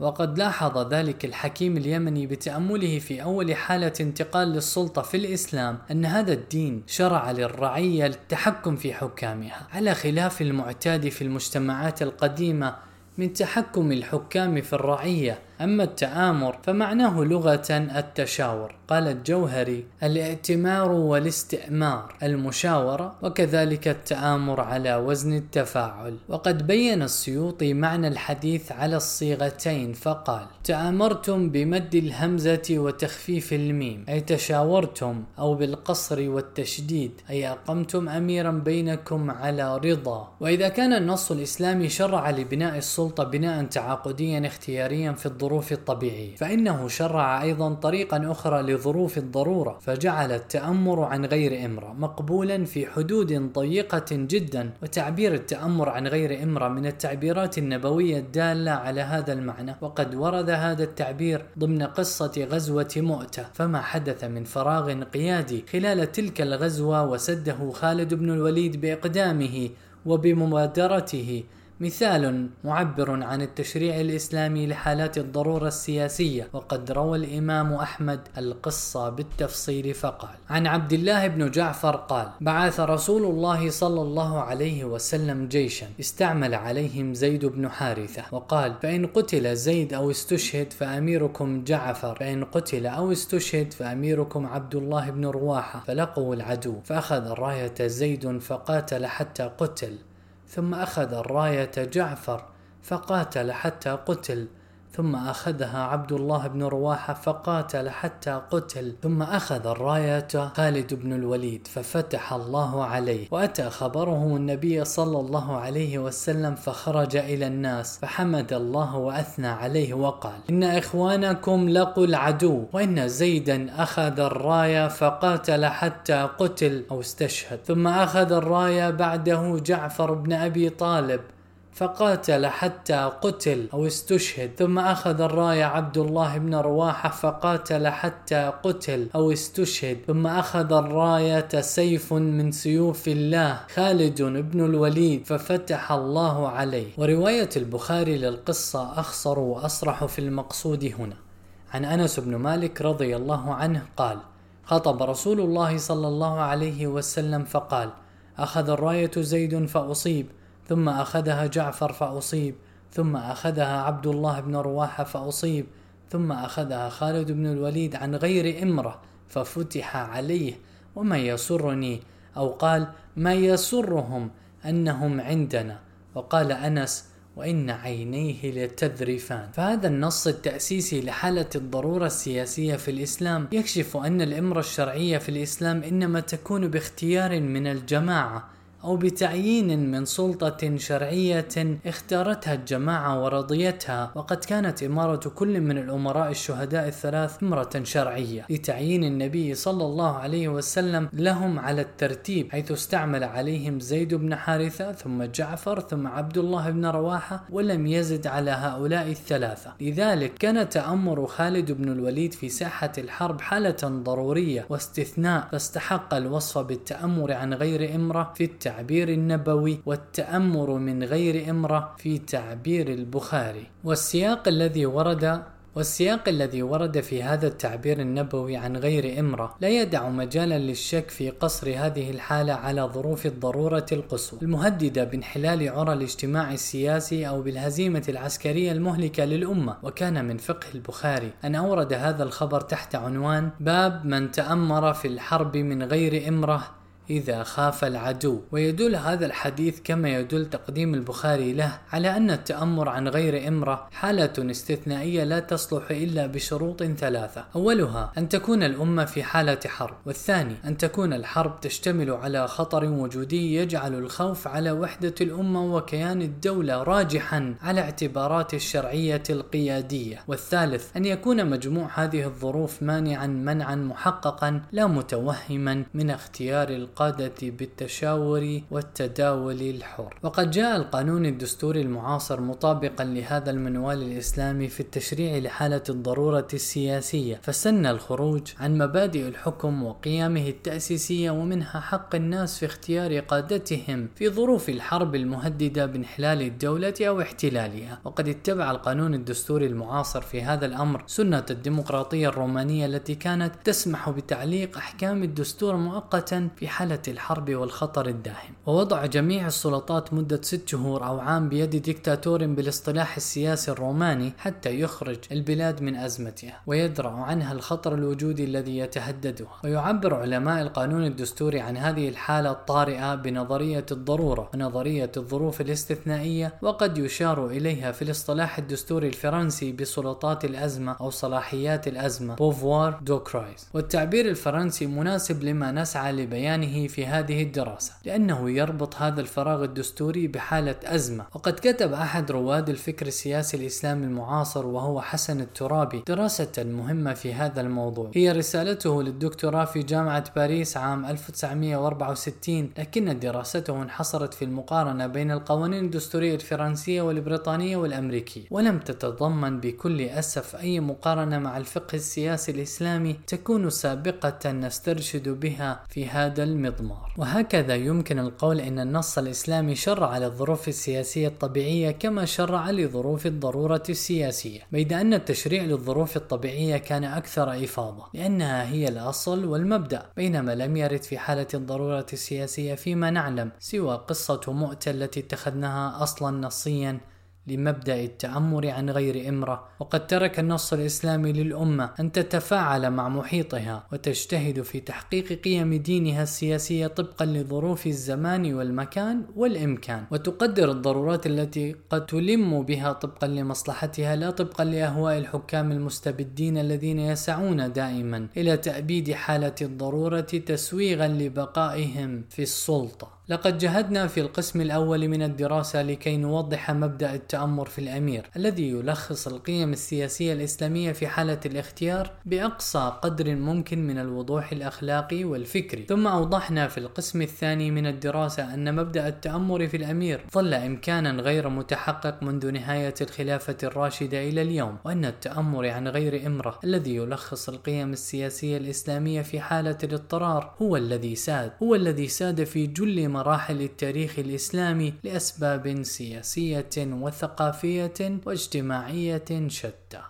وفي قراءتنا للجهد التنظيري الذي ورثه المسلمين عن علمائهم الأقدمين لاحظنا كيف تحول الخوف من الفتنة هاجسا مرضيا وكابحا نفسيا. يستنبطه العقل الفقهي الإسلامي أملا في الحفاظ على وحدة موهومة تتأسس على القهر. يستبطنه العقل الفقهي الإسلامي أملا في الحفاظ على وحدة موهومة تتأسس على القهر. وتلك صفقة خاسرة على المدى البعيد رغم كل ما قد تحققه من حلول تلفيقية ظرفية. ولو أن فقهاءنا السياسيين تعاملوا مع سلطة الأمر الواقع بمنطق عملي محض فوضعوا القبول بالاستبداد ضمن فقه الضرورات العملية المؤقتة وميزوا بين الطاعة بالواجب والطاعة بالضرورة كما فعل جان جاك روسو مثلا لما كان عليهم من حرج فللضرورة أحكامها ولا ريب. لكن بعض أولئك الفقهاء أوغلوا في طريق الكبح والزجر والتخويف من الفتن وصاغوا الرخصة المصلحية الظرفية بلغة العزيمة الشرعية الدائمة فتورطوا في الخلط بين مبدأ التأمر في الأمير ورخصة التأمر عن غير إمرة وتورطوا بحسن نية في تشريع الاستبداد والقهر ومنحوا السلطة الغير شرعية حقوق السلطة الشرعية من طاعة ونصح ونصرة. على أن معادلة التأمر في الأمير والتأمر عن غير إمرة التي هي أساس النموذج التحليلي المتبع في هذه الدراسة لا تكفي وحدها. لفهم الأزمة الدستورية في الحضارة الإسلامية ولذلك عضدناها بنماذج تحليلية فرعية. مبنية على مقولات مهمة لفلاسفة ومفكرين من الشرق والغرب وهذا ما سنبنيه الآن. على أكتاف العمالقة. من المقولات التي اشتهرت عن الفيزياء الشهير إسحاق نيوتن قوله لقد رأيت أبعد مما رأى الآخرون لأني وقفت على أكتاف العمالقة. وقد انتقد جون فريلي مؤلف كتاب نور من الشرق نيوتن كيف أعانت علوم المسلمين في العصر الوسيط في تشكيل العالم الغربي بأنه اعترف بالفضل لسابقيه من المفكرين الأوروبيين واليونان القدماء لكنه لم يعترف بالفضل للعلماء العرب الذين أخذت عنهم أوروبا العلوم أول ما أخذتها وبغض النظر عن تحيز نيوتن الثقافي وهو ابن بيئته وزمانه فإن مقولته في صيغتها التجريدية تعبر عما نحمله من تقدير للذين أفادونا بأعمالهم السابقة في إنجاز هذا العمل. ولسنا ندري ما إن كنا في هذه الدراسة قد رأينا أبعد مما رأى الآخرون لكننا نعرف أننا ندين بالعرفان بالجميل لعدد وافر من علماء الإسلام الأقدمين مفسرين ومحدثين ومؤرخين وفقهاء وأدباء وغيرهم ممن سيجد القارئ أسماءهم منثورة في متن هذا الكتاب ويرى عناوين أعمالهم في قاعدة صفحاته. ولولا الوقوف على أكتاف أولئك العمالقة لما أنجزت هذه الدراسة على النحو الذي هي عليه اليوم. كما أننا ندين بدين خاص لعدد من من العلماء والمفكرين المعاصرين مسلمين وغربيين لما رفدونا به من مقولات ونظرات ثاقبة. حولناها إلى أدوات تحليلية ومفاتيح نظرية لهذه الدراسة. ومن هؤلاء الأعلام محمد إقبال مالك بن نبي ومحمد عابد الجابري وأبي يعرب المرزوقي ورضوان السيد وعبد الجواد ياسين وجورج فريدريك هيجل وأسوالد شبينغلر وجوهان هويزينغا وسامويل هنتينغتون وفرانسيس فوكوياما ومن المقولات التي اتخذناها مفاتيح تفسيرية في الدراسة مفهوم الإمكان التاريخي لدى هيجل وتوليد كل من محمد إقبال ومالك بن نبي لذلك المفهوم وتطبيقهما له في السياق الإسلامي ومفهوم التشكل الكاذب عند شبينغلر وكيف حرر الإسلام العرب من ذلك القيد وملاحظة محمد إقبال بقاء القيم السياسية الإسلامية أجنة بسبب سرعة الفتوح الإسلامية وحديثه عن سلسلة المعارك المتصلة التي شنها الفاتح الفارسي المستقل للفكر ضد القيم الدينية والسياسية الإسلامية. ومن هذه المقولات المفاتيح أيضا حديث أبي يعرب المرزوقي عن الحريتين الدينية والسياسية باعتبارهما من أعظم مقاصد الإسلام وحسن إدراكه وهو الضليع بفلسفة هيجل لثراء الإمكان التاريخي الإسلامي وتمييزه الواضح بين الإسلام التاريخي والإسلام المفهومي. ومنها ملاحظات الجابري عن أثر القيم الساسانية في تخليد الأزمة السياسية الإسلامية وتأملاته في القيم الكسروية التي ضمنت لدولة الملك البقاء والنماء على أشلاء الخلافة الراشدة.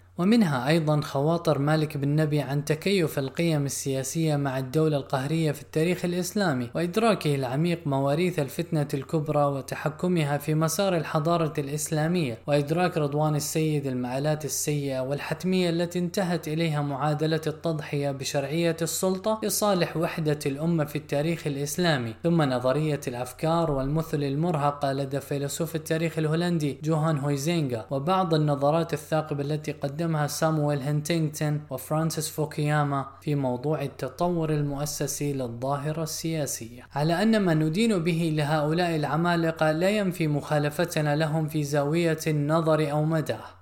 أو في المنهج والنتائج بل إن الوقوف على أكتاف العمالقة إنما غايته أن يرى الواقف أبعد مما رأوه لا أن يتخذهم حاجزا بينه وبين الأفق البعيد. وقد حاولنا تركيب الحصاد الفكري الذي أنتجه هؤلاء العمالقة وضرب بعض آرائهم ببعض وتوسيع الثغرات التي فتحوها لتصبح آفاقا أرحب للفهم والنظر. فلنشرح الآن طرفا من الأفكار الكبرى التي ندين بها لهؤلاء هؤلاء الأعلام وبعض أوجه الخلاف معهم أو التعديل الذي نقترحه على ما طرحوه توضيحا للأساس النظري الذي انبنت عليه هذه الدراسة. بين الإمكان والتحقق من الإسهامات الثمينة للفيلسوف الألماني جورج فريدريك هيجل في فلسفة التاريخ والسياسة فكرة الإمكان التاريخي. وهي فكرة لها قيمة منهجية ثمينة لفهم الأزمة الدستورية في الحضارة الإسلامية. واستيعاب فعل الزمان في القيم السياسية الإسلامية وتنبني فكرة الإمكان التاريخي على بيان الفارق الهائل بين المبدأ في حالة تجريد وبين تحققه العيني. ذلك أن الإمكان يشير نظريا على الأقل إلى شيء يستهدف أن يصبح واقعيا بالفعل. ومعنى ذلك أن الممكنات أغزر وأخصب وأرحب من الواقع وهي إمكانات تسعى حثيثا إلى التحقق وإلى أن تحل محل الواقع.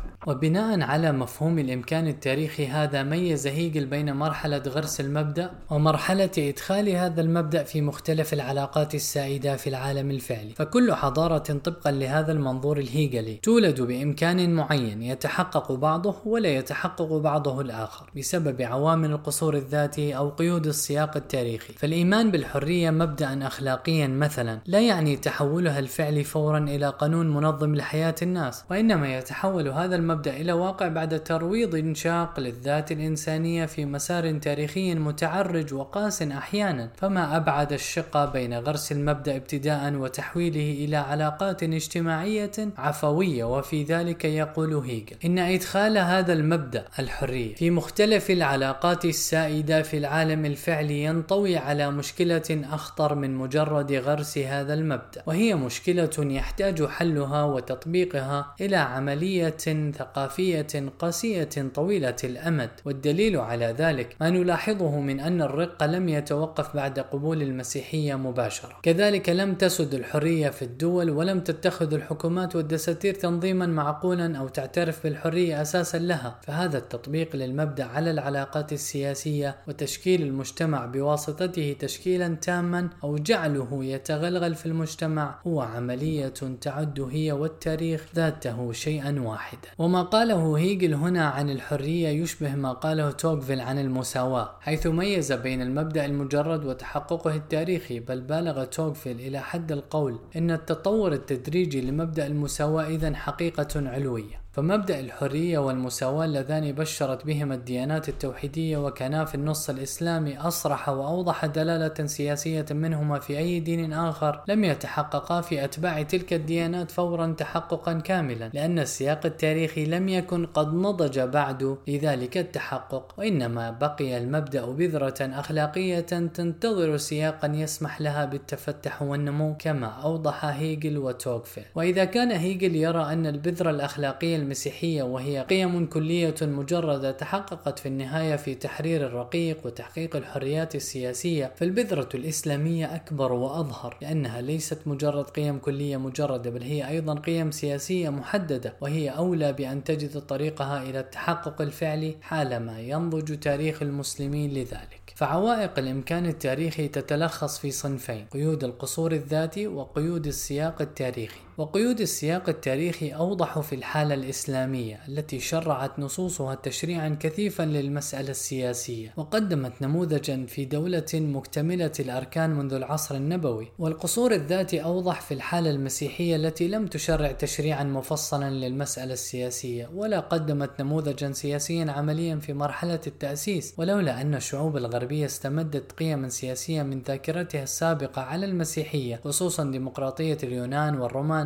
لما كانت أخرجت مبدأ الحرية من حيز الإمكان إلى حيز التحقق. وبتطبيقنا فكرة الإمكان التاريخي الهيجلية على مسيرة الحضارة الإسلامية نجد أنها ولدت بإمكانات عظيمة هي القيم الإسلامية المنصوصة في القرآن والسنة. لكن الإمكان السياسي للحضارة الإسلامية كان من أقل إمكاناتها تحققا وأولها تعطلا. إذ تعطل ذلك الإمكان في عهد مبكر من عمرها وربما يكون الحديث النبوي الذي تنبأ بانتقاض عرى الإسلام عروة عروة يشير إلى ذلك. لتنقضن عرى الإسلام عروة عروة فكلما انتقضت عروة تشبث الناس بالتي تليها وأولهن نقضا الحكم وآخرهن الصلاة. وعرى الإسلام هنا تعبير مجازي المراد منه وحدوده وأحكامه وأوامره ونواهيه. لم يتجاوز الإمكان السياسي الإسلامي مرحلة غرس المبدأ بتعبير هيجل لأسباب تتعلق بالتربة العربية التي انزرع فيها الإسلام أول من زرع وأسباب أخرى تتعلق بالسياق الإمبراطوري المحيط بجزيرة العرب آنذاك. فالسياق التاريخي العالمي في القرن السابع الميلادي لم يكن قد نضج بعد لتحقق الإمكان السياسي الإسلامي فبقيت القيم السياسية الإسلامية بذرة تنتظر سياقا يسمح لها بالتفتح والنماء. صحيح أن تلك البذرة الإسلامية على خلاف البذرة المسيحية أثمرت شجرة فورا هي الدولة النبوية والخلافة الراشدة لكن تلك الشجرة سرعان ما ذبلت أمام أعاصير التاريخ التي هبت عليها عاتية من صحراء العرب أولا ثم من الإمبراطوريات المجاورة لجزيرة العرب بعد ذلك.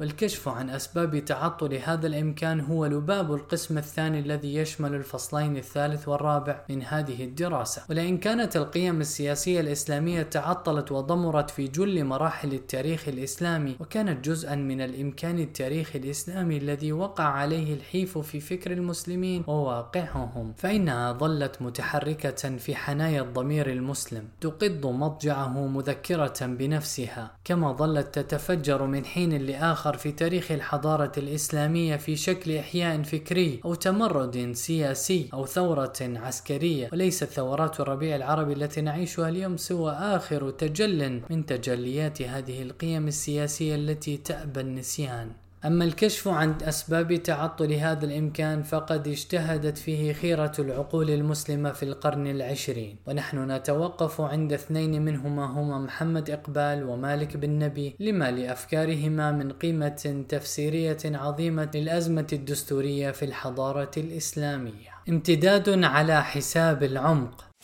كان الفيلسوف الشاعر محمد إقبال من المعجبين بفلسفة هيجل وقد كتب في خواطره إن فلسفة هيجل ملحمة شعرية صيغة نثرة والظاهر أن إقبالا الذي درس الفلسفة في ألمانيا قد استبطن عددا من المقولات الهيجلية في فلسفة التاريخ خصوصا فكرة الإمكان التاريخي فظهرت آثارها في تأملاته بشأن المصائر السياسية للحضارة الإسلامية فقد كتب إقبال في رسالة له إلى المستشرق الإنجليزي نيكلسون عام 1921 إنني أعتبر من الخسارة الكبرى أن نقدم الإسلام كإيمان فاتح أدى إلى تجميد نمو أجنة تنظيم الاقتصاد والديمقراطي للمجتمع التي أجدها مبثوثة في صفحات القرآن والسنة النبوية. ما من ريب أن المسلمين نجحوا في بناء إمبراطورية عظيمة لكنهم وهم يفعلون ذلك أدخلوا الروح الوثنية إلى قيمهم السياسية وأضاعوا بعض الإمكانات العظيمة الكامنة في دينهم. ففي هذه الأسطر الثمينة أجمل إقبال أفكار مهمة تكشف جوانب من الإمكان التاريخي الإسلامي المهدر والقيم السياسية الإسلامية المعطلة. ومن هذه الأفكار أن الإسلام قدم قيما سياسية واقتصادية مبثوثة في صفحات القرآن والسنة النبوي وأن هذه القيم تجمدت بسبب الفتوح الإسلامية السريعة التي خسر فيها المسلمين في العمق بقدر ما كسبوا في الامتداد ومن النوع بقدر ما كسبوا من الكم. وأن الثقافات التي غزا المسلمون الأوائل أرضها استوعبت وأن الثقافات التي غزا المسلمون الأوائل أرضها استوعبتهم سياسيا قبل أن يستوعبوها واحتوتهم قبل أن يطوعوها لقيمهم وأن كل هذا المسار ضيع على المسلمين فرصة استلهام بعض الإمكانات العظيمة الكامنة في دينهم ويقصد إقبال بذلك هنا القيم السياسية الإسلامية تحديدا. وأخيرا أن من نتائج كل ذلك أن المسلمين بنوا إمبراطورية عسكرية كما فعلت أمم أخرى بدلا من أن يبنوا دولة تصلح قدوة أخلاقية وسياسية لبقية البشرية فسبب الأزمة الدستورية في الحضارة الإسلامية من وجهة نظر إقبال هو الطريقة الخاطفة التي اقتحم بها المسلمين تلك الإمبراطوريات المرهقة التي كانت تحيط بالجزيرة العربية في الفتوح الإسلامية التي سارت بسرعة تحبس الأنفاس. حسب تعبير فوكوياما كانت سرعتها على حساب البناء الداخلي الصلب الملتزم بقيم الإسلام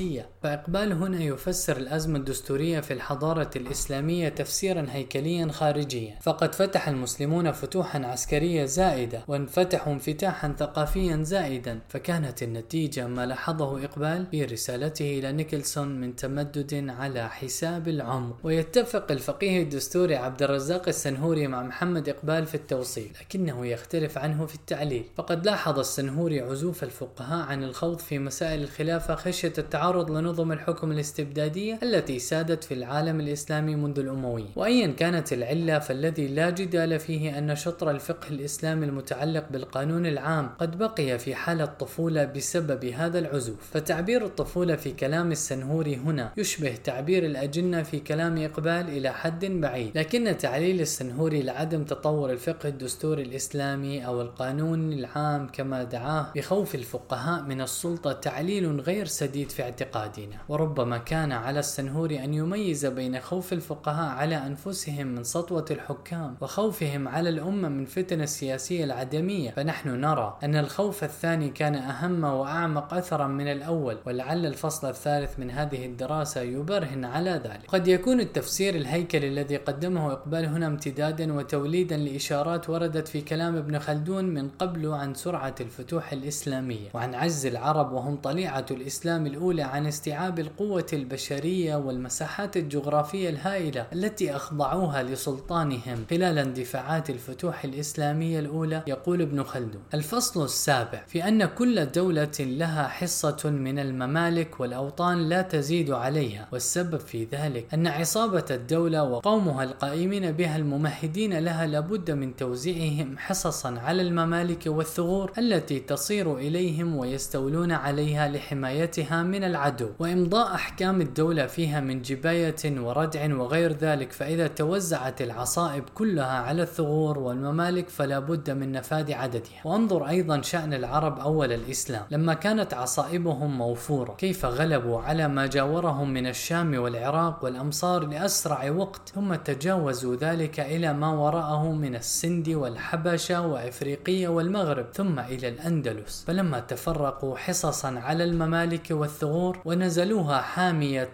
ونفد عددهم في تلك التوزيعات أقصر عن الفتوحات بعد. وانتهى أمر الإسلام ولم يتجاوز تلك الحدود. لقد انتبه ابن خلدون إلى السرعة الهائلة في الفتوح وإلى عجز الفاتحين العرب في صدر الإسلام عن التمدد أكثر بعد أن تحولوا مجرد حاميات عسكرية ضئيلة العدد مقارنة مع الفيض البشري من الشعوب التي سيطروا عليها. لكن ابن خلدون لم ينتبه إلى أثر ذلك داخليا في البنية السياسية الإسلامية ذاتها وإنما ركز على أثره العسكري الخارجي في توقف الفتوح واستقرار حدود دولة الإسلام آنذاك. أما إقبال فقد لاحظ الأثر الداخلي السياسي للفتوح وهو ما يهمنا هنا ويتفق رشيد رضا مع إقبال في هذا المنحى إذ أدرك أنه لم يكن من السهل إيجاد نظام لقوة الخلافة. تخضع له كل هذه الأمم والشعوب في الخافقين مع بعد الشقة وصعوبة المواصلات. وقد اقترب حسن الترابي من هذا المنظور الهيكلي أيضا. فلاحظ أن المسلمين قصروا كثيرا في شريعة الجماعة ونظامها وذلك هو الجانب الأكثر عرضة للفتنة حيث يبدأ نقصان كل ملة دينية من تلقائه. ولربما كان انفجار الدعوة الإسلامية بالفتوحات أوسع تطورا من المعالجات الإسلامية النظامية لجماعة المسلمين. كما اقترب أنتوني بلاك من تحليل إقبال فلاحظ أن الفتوح الإسلامية كانت سريعة للغاية. بما جعل الأمة تتجاوز ذاتها لحظة ميلادها وأن ظهور الإسلام كان المرة الأولى والفريدة في التاريخ البشري التي يتم فيها تجاوز الأمة لحظة تأسيسها. فقد حول الإسلام العرب إلى أمة ثم تجاوز أمة العرب إلى آفاق إنسانية أرحب في اللحظة ذاتها وتلك قفزة تاريخية من القفزات التي لم يشهد تاريخ الديانات والحضارات الأخرى لها مثيلا لكنها قفزة كان لها ثمنها الداخلي كما لاحظ محمد إقبال. ويبقى تحفظنا الوحيد على ما ذهب إليه إقبال من تحليل عميق هو تعبيره عن القيم السياسية الإسلامية بتعبير جيرمز بالإنجليزي الذي يمكن ترجمته إلى العربية في هذا السياق بلفظ الأجنة أو البذور وهو تعبير يحمل شيئا من الاختزال للتشريعات السياسية الإسلامية ولعل عذر إقبال في ذلك أنه لم يكن ضليعا في نصوص السنة السياسية التي اشتملت على قيم أخلاقية وتشريعية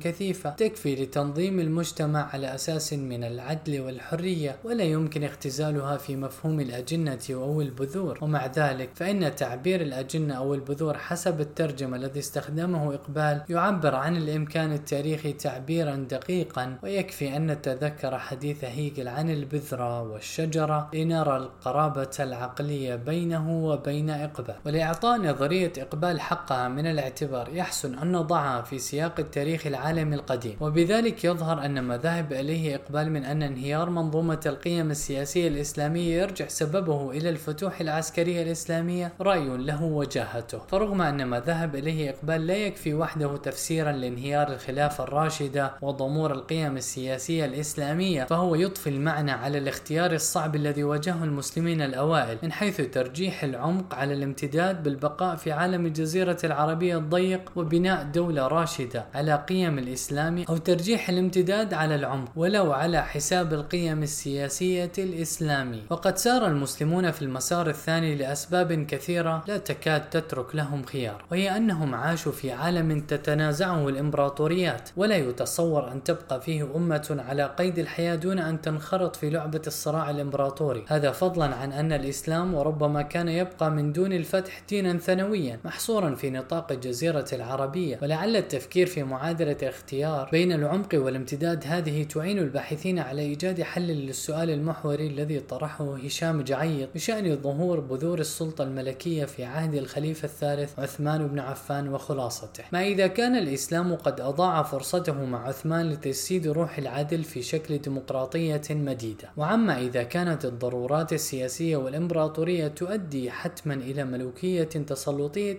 ثم استبدادية. في الحالة الأولى يكون عثمان قد تنكر حقا لإرث رائع. وفي الثانية يكون فقط واحدا من رواد المحتوم ولو أننا وضعنا التاريخ الإسلامي المبكر ضمن سياق كوني فسنجد في تاريخ الحضارات الأخرى ما يؤيد تفسير إقبال فالمدن القديمة التي بنت نظاما سياسيا حرا قائما على اختيار شعوبها مثل أثينا وروما الجمهورية انهار نظامها السياسي بعد أن توسعت عسكريا ولم تخرج دولة المدينة المنورة التي أسسها رسول الله صلى الله عليه وسلم وخلفائه الراشدون عن هذه السنة التاريخية. فإذا تركنا تركنا التفاصيل الجزئية للحرب الأهلية التي أدت إلى انهيار الخلافة الراشدة جانب وركزنا على الصورة الكلية فسنجد شبها كبيرا بين الطريقة التي سقطت بها دولة المدينة المنورة. والطريقة التي سقطت بها الديمقراطيات اليونانية والرومانية من قبل. لقد بدأت كل من التجارب الثلاث اليونانية والرومانية والإسلامية في صورة مدينة ديمقراطية. تتأسس علاقة الحاكم بالمحكوم فيها على أساس التعاقد والتراضي ثم تحولت كل من تجارب الثلاث إمبراطورية تتأسس علاقة الحاكم والمحكوم فيها على القهر. وتزامن هذا التحول في النظام السياسي في الحالات الثلاث مع حركة الفتوح والتوسع العسكري. ويدل هذا المسار الذي تكرر في التاريخ اليوناني ثم الروماني ثم الإسلامي على نتيجتين جديرتين بالتأمل. أولاهما استحالة الجمع بين الدولة الحرة والروح الإمبراطورية في العصور القديمة لأسباب أخلاقية وهيكلية عديدة، وثانيتهما أن أي أمة قديمة اختارت سبيل التوسع العسكري في الخارج آنذاك فقدت قيم الحرية السياسية في الداخل، وكلتا النتيجتين تزكي ما توصل إليه إقبال من أن الاندفاعات العسكرية الإسلامية العاصفة التي فتحت أمام المسلمين أبواب الإمبراطوريات العتيقة كانت سببا من أسباب الانهيار الداخلي في النظام السياسي الإسلامي. وانطماس أمهات القيم السياسية الإسلامية في فكر المسلمين وواقعهم. كانت النتيجة أن بقيت تلك القيم أجنة بتعبير إقبال وتجمدت في رحم التاريخ الإسلامي لأن السياق الإمبراطوري لم يسمح لها بالنمو الطبيعي لكن مالك بن نبي قدم منظورا مختلفا ركز فيه على التناقضات الداخلية بدل التركيز على الاندفاع الخارجية كما فعل إقبال. انشطار الذات في صفين. كان مالك بن نبي شأنه شأن إقبال متأثرا ببعض الأفكار الهيكلية الأساسية خصوصا فكرة الإمكان التاريخي وفكرة الجدلية التاريخية. قد كتب في هذا المضمار إن عالم الثقافة ليس عالما ساكنا إن له حياته وله تاريخه الذي نستطيع أن نفسره انطلاقا من فكر هيجل الذي يقرر بأن هنالك صيرورة لعالم الفلسفة وصيرورة فلسفية للعالم. ويشرح مالك الجدلية التاريخية عند هيجل فيقول فالحالة التي توجد فيها جماعة إنسانية في لحظة معينة من تاريخها هي في رأيه قضية ولكن قد تظهر خلال هذه الحركات أسباب ذات طابع اقتصادي أو أخلاقي أو مناخي تهدف إلى تعديل اتجاهها فبتأثير الأفعال وردود الأفعال المتبادلة يصبح الوسط مجالا لنزعات السكون المتصلة بخموده الفطري ونزعات الحركة التي تنشئ حالة مناقضة ناقضة في طريقها إلى الظهور يتكون عنها نقيض القضية. وفكرة التعارض هذه هي التي تكون في نظر هيجل القوة المحركة التي تخلق الحركة التاريخية. وكان مالك بن نبي من أول من انتبهوا إلى عمق الأزمة الدستورية في الحضارة الإسلامية فشخص جذورها الضاربة في فجر الإسلام وشرح آثارها على التاريخ الإسلامي مستلهما طرفا من مقولات هيجل في تفسير حركة التاريخ الإسلامي بمفاهيم الإمكان التاريخي والتعارض الداخلي وتعديل الاتجاه. وقد بين مالك أن مرحلة الدولة النبوية والخلافة الراشدة كانت مرحلة تخلق دستوري أي أنها اشتملت على البذرة التي كان يمكن أن تنمو شجرة وارفة الظلال. فكتب عن فترة التخلق الدستوري التي تصب خلالها النصوص النظرية في الحقائق الاجتماعية في أعمال وسلوك الجيل الذي وضع المشروع الديمقراطي الإسلامي في طريق التحقيق. من اليوم الذي أشرقت فيه الهداية المحمدية إلى يوم صفين ويشبه مفهوم التخلق الدستوري عند بن نبي هنا مفهوم البذرة عند هيجل ومفهوم الأجنة عند إقبال. فكل من التعبيرات الثلاثة يشير إلى إمكان لم يتحقق وحلم ضاع قبل أن يتجسد تجسدا. صلبا قادرا على البقاء. وللفتنة الكبرى في عصر الصحابة خصوصا معركة صفين مكانة مركزية في نظرية مالك بن نبي. فهو يعتبر وقعة صفين محطة الانكسار في منحنى الصعود الصاعق لحركة التاريخ السياسي الإسلامي المبكر لأنها تمثل نقطة التحول في التاريخ العالم الإسلامي والفاصل الذي منع المشروع الديمقراطي الإسلامي من أن يواصل سيره في التاريخ. فمعركة صفين هي التي أنهت حكم الخلافة الراشدة وجاءت بأول ملك في الإسلام وهو معاوية بن أبي سفيان وعهد معاوية كان من الوجهة التي تهمنا هنا عهد تقهقر الروح الديمقراطي الإسلامي ويرى بالنبي أن المؤرخين المسلمين لم يقدروا هذا الحدث التأسيسي حق قدره فيقول لست أدري لماذا لم ينتبه المؤرخون إلى هذه الواقعة التي حولت مجرى التاريخ الإسلامي إذ أخرجت الحضارة الإسلامية إلى طور القيصرية الذي يسوده عامل العقل وتزينه الأبهة والعظمة. في الوقت الذي بدأت تظهر فيه بوادر الفتور الدالة على أفول الروح فإن مؤرخين لم يروا في تلك الكارثة إلا ظاهرة ثانوية. وفي تحقيبه لعمر الحضارة الإسلامية يعتمد مالك بن نبي ثلاثة حقب. يسميها مرحلة الصعود ومرحلة الامتداد ومرحلة الانحطاط. أما مرحلة الصعود ويدعوها أيضا مرحلة الروح فتبدأ من ليلة بدء الوحي في غار حراء وتنتهي بوقعة صفين عام 38 هجري فهذه المرحلة هي المرحلة الأولى من مراحل الحضارة الإسلامية التي ابتدأت من غار حراء إلى صفين وهي المرحلة الرئيسية التي تركبت فيها عناصرها الجوهرية. ثم تليها مرحلة الامتداد ويدعوها أيضا مرحلة العقل وتبدأ من صفين إلى نهاية القرن الثامن الهجري. وتتسم مرحلة الامتداد في عمر أي حضارة بالانتقال الانتقال من مرحلة السمو الروحي إلى مرحلة التوسع العقلي وفيها نجد الحضارة الإسلامية قد خرجت من عمق النفوس كقوة دافعة إلى سطح الأرض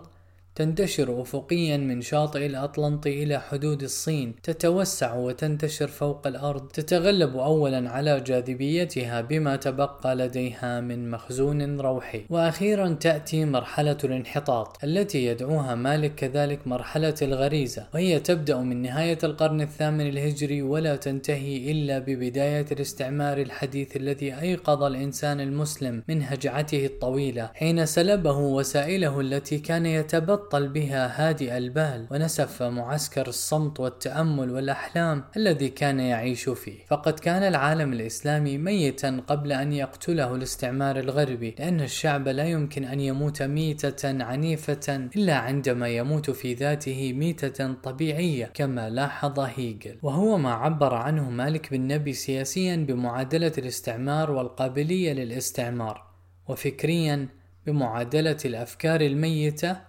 والأفكار المميتة.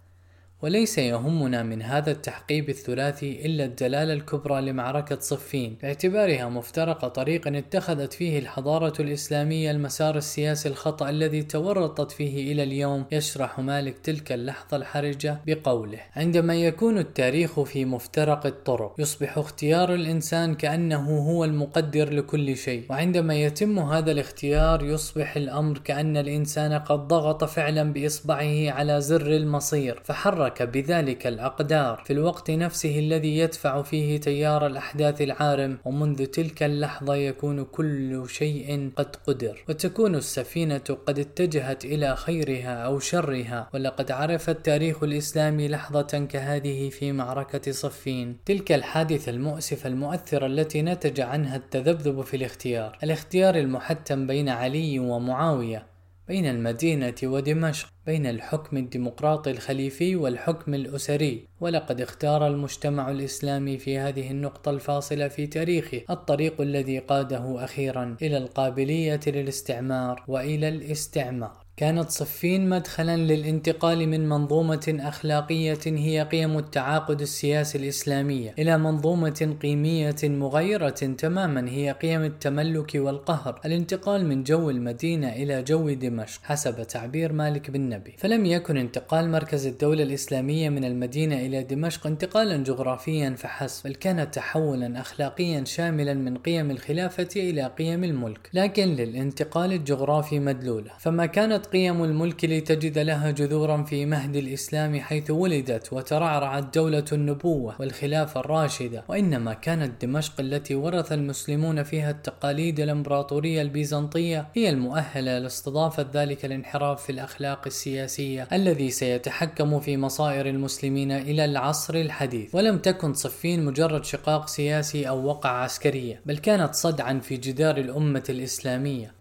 وشرخا في قلبها. ظل يتسع على مر القرون حتى أودى بها في نهاية المطاف فصفين في تحليل مالك بن نبي. هي السبب البعيد لانحطاط الحضارة الإسلامية. يقول مالك في تشخيصه لأسباب انحطاط العالم الإسلامي. إن مما يهمنا في المقام الأول أن نتأمل الأسباب البعيدة التي حتمت تقهقره وانحطاطه. فلقد عرف هذا العالم الإسلامي أول انفصال في تاريخه في معركة صفين عام 38 للهجرة. إذ كان يحمل بين جنبيه بعد قليل من سنوات ميلاده تعارضا داخليا. كانت حمية الجاهلية تصطرع مع الروح القرآني فجاء معاوية. فحطم ذلك البناء ومنذ ذلك الانفصال الأول فقد العالم الإسلامي توازنه الأولي على الرغم من بقاء الفرد المسلم متمسكا في قرارة نفسه بعقيدته التي نبض بها قلبه المؤمن. لقد كانت معركة صفين بداية انحراف في الحضارة الإسلامية لم يتقوم اعوجاجه إلى اليوم. والسبب هو ما ترتب عليها من ثمرات سياسية مريرة غلبت الأمة قرارها ووضعتها في مأزق الاختيار بين الخنوع للقهر السياسي أو الاندثار في الحرب الأهلية.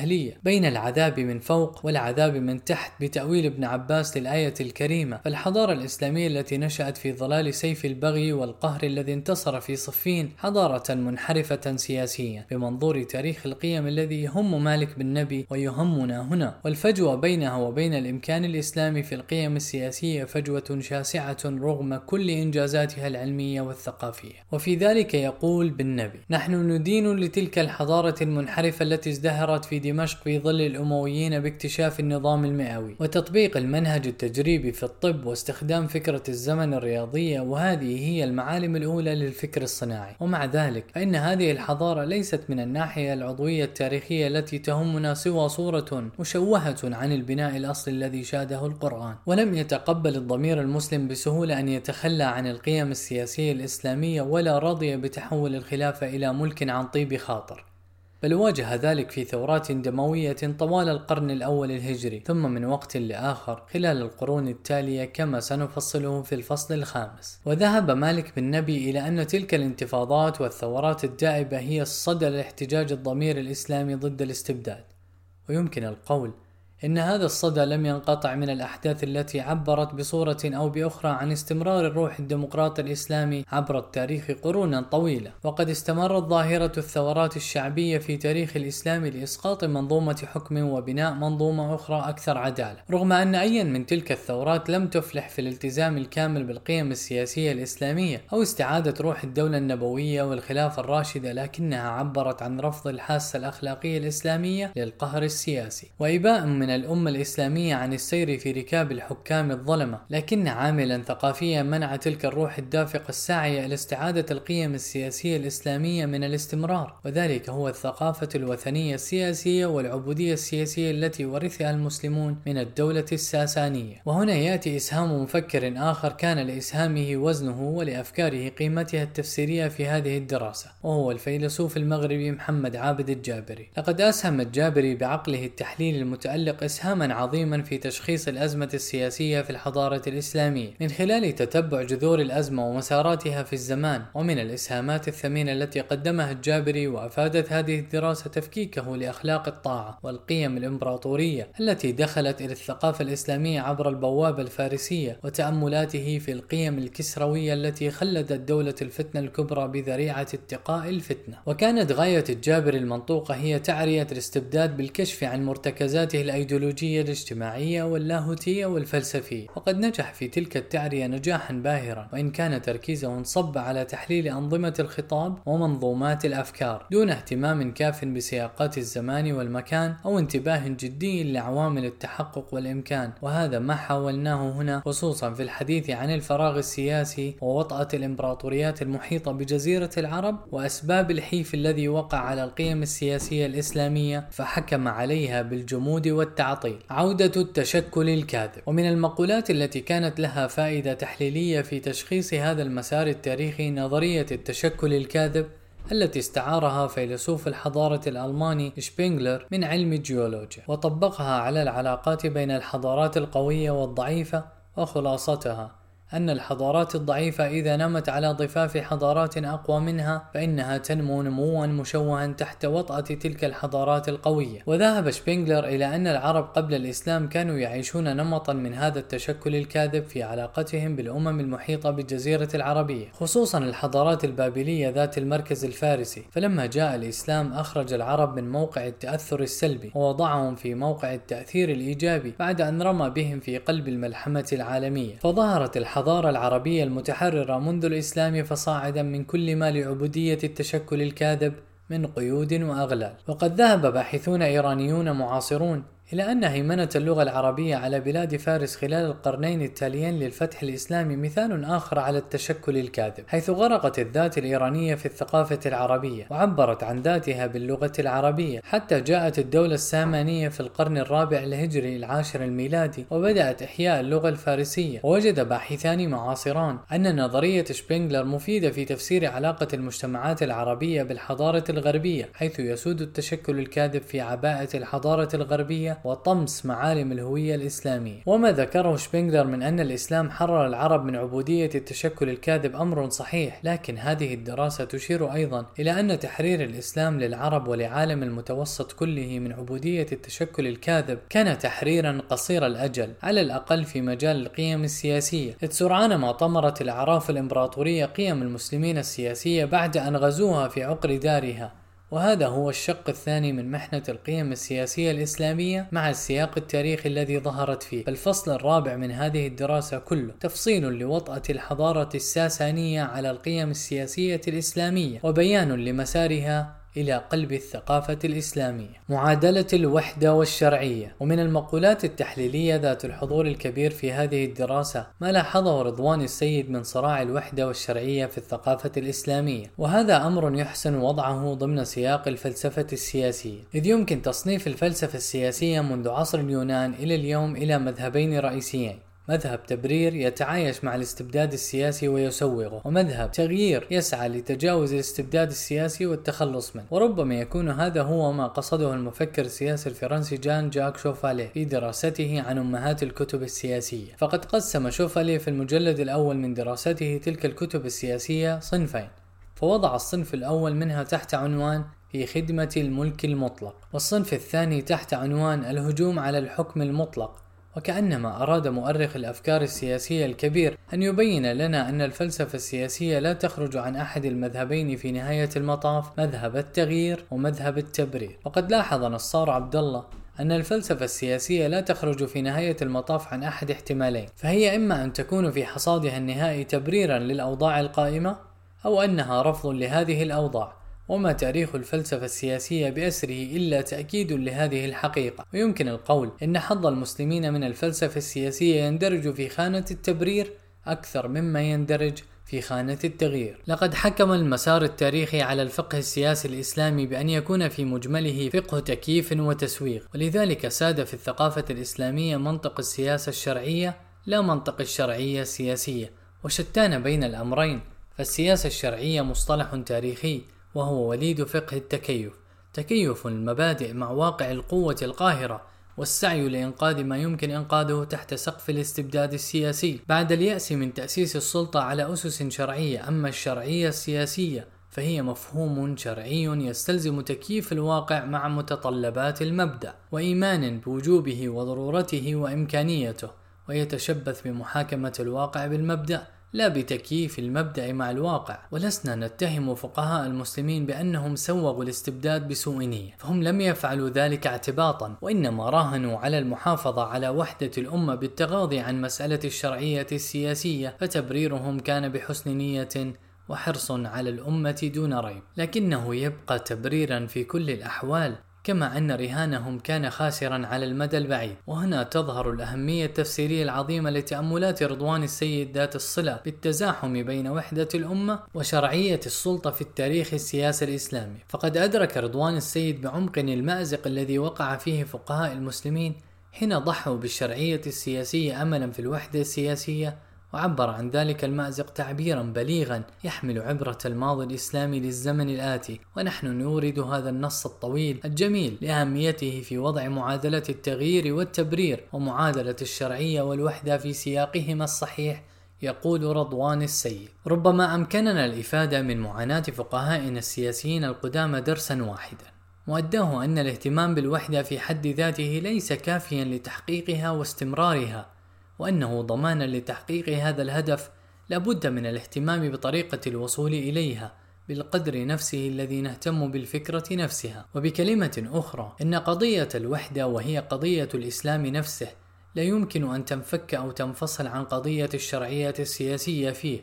وللشرعية شرطها الأوحد الذي يتمثل في جماهيرية الإمام الشورى فالعقد فالبيعة. إن الوحدة يمكن أن تستمر أو تتحقق في غياب الشرعية عن طريق القوة والتسلط المجردين لكنها حينئذ لا تبقى وحدة إسلامية.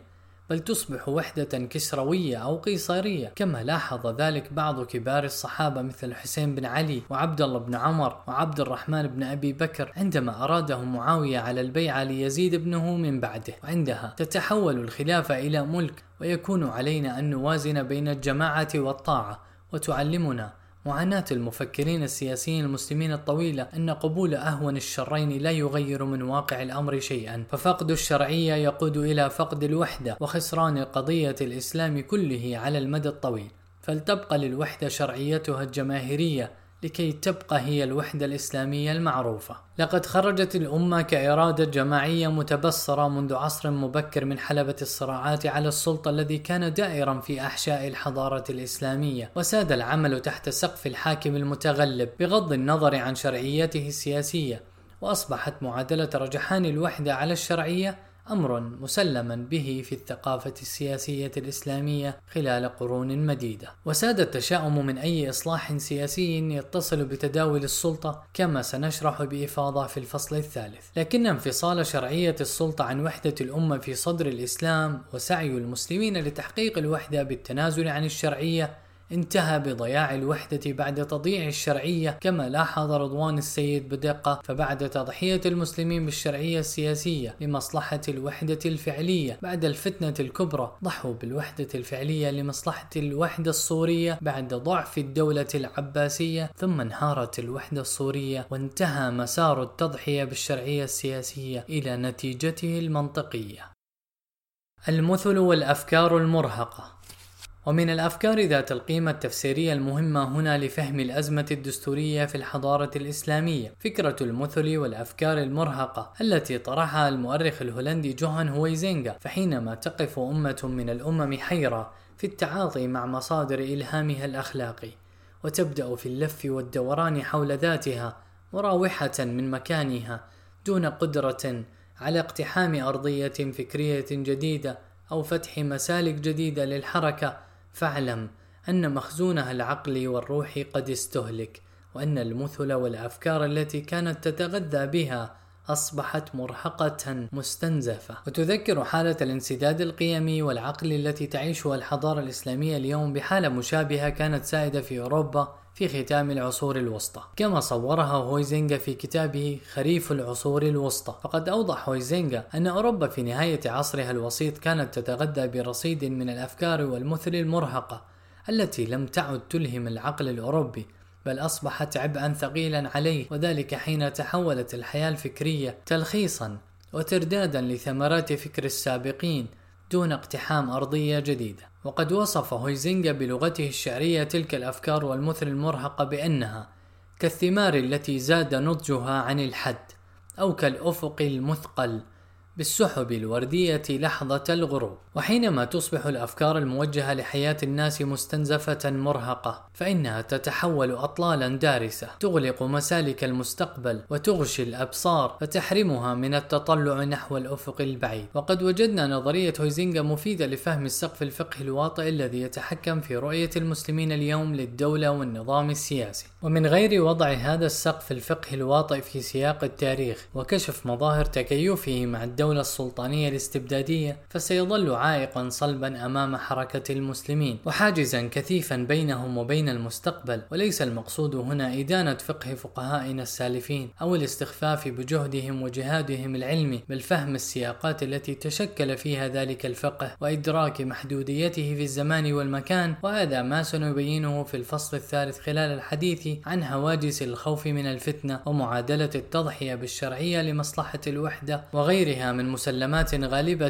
في التراث السياسي الإسلامي. وفي تمييز مالك بن نبي بين صحة الفكرة وصلاحيتها ما قد يفيد في التحرر من سطوة فقه التكيف القديم دون تنكر لجهود الفقهاء الأقدمين حيث أوضح مالك أن كل فكرة لها جانبان جانب الصحة وجانب الصلاحية. قد تكون فكرة ما صالحة وليست صحيحة وقد تكون فكرة صحيحة ثم فقدت في الطريق صلاحيتها لأي أسباب. فحتى لو افترضنا أن ما طرحه فقهاؤنا من تنظير سياسي كان صحيحا في عصره فهو لم يعد صالحا. في عصرنا لأن صلاحيته انتهت. فتحول جدلا تاريخيا وأجوبة نظرية عن أسئلة لم يعد لها وجود. ودرسا في تاريخ الأفكار وحركتها خلال الزمن الماضي لا مصدر إلهام في الحاضر والمستقبل بسبب التبدل العميق في الزمان والمكان. فالوحي وحده هو الذي يتسم بالإطلاق وهو وحده القادر على اختراق حركة الزمان ومسافة المكان. وكان مالك بن نبي قد تنبه إلى الطبيعة التلفيقية التوفيقية التي اتسمت بها الحضارة الإسلامية في شقها السياسي وما شابهها من تكييف مع منطق القهر والاستبداد حيث تحكمت مواريث معركة صفين في مسار تلك الحضارة فكتب إن التطور المعروف باسم الحضارة الإسلامية لم يكن في الواقع سوى محاولة للتوفيق بين واقع الأمر المتخلف عن صفين وبين ما جاء به الإسلام ولقد جهدت مدارس الفقه لتحقيق هذا التوفيق ووقف الأئمة في وجه الحكم الملكي الغير إسلامي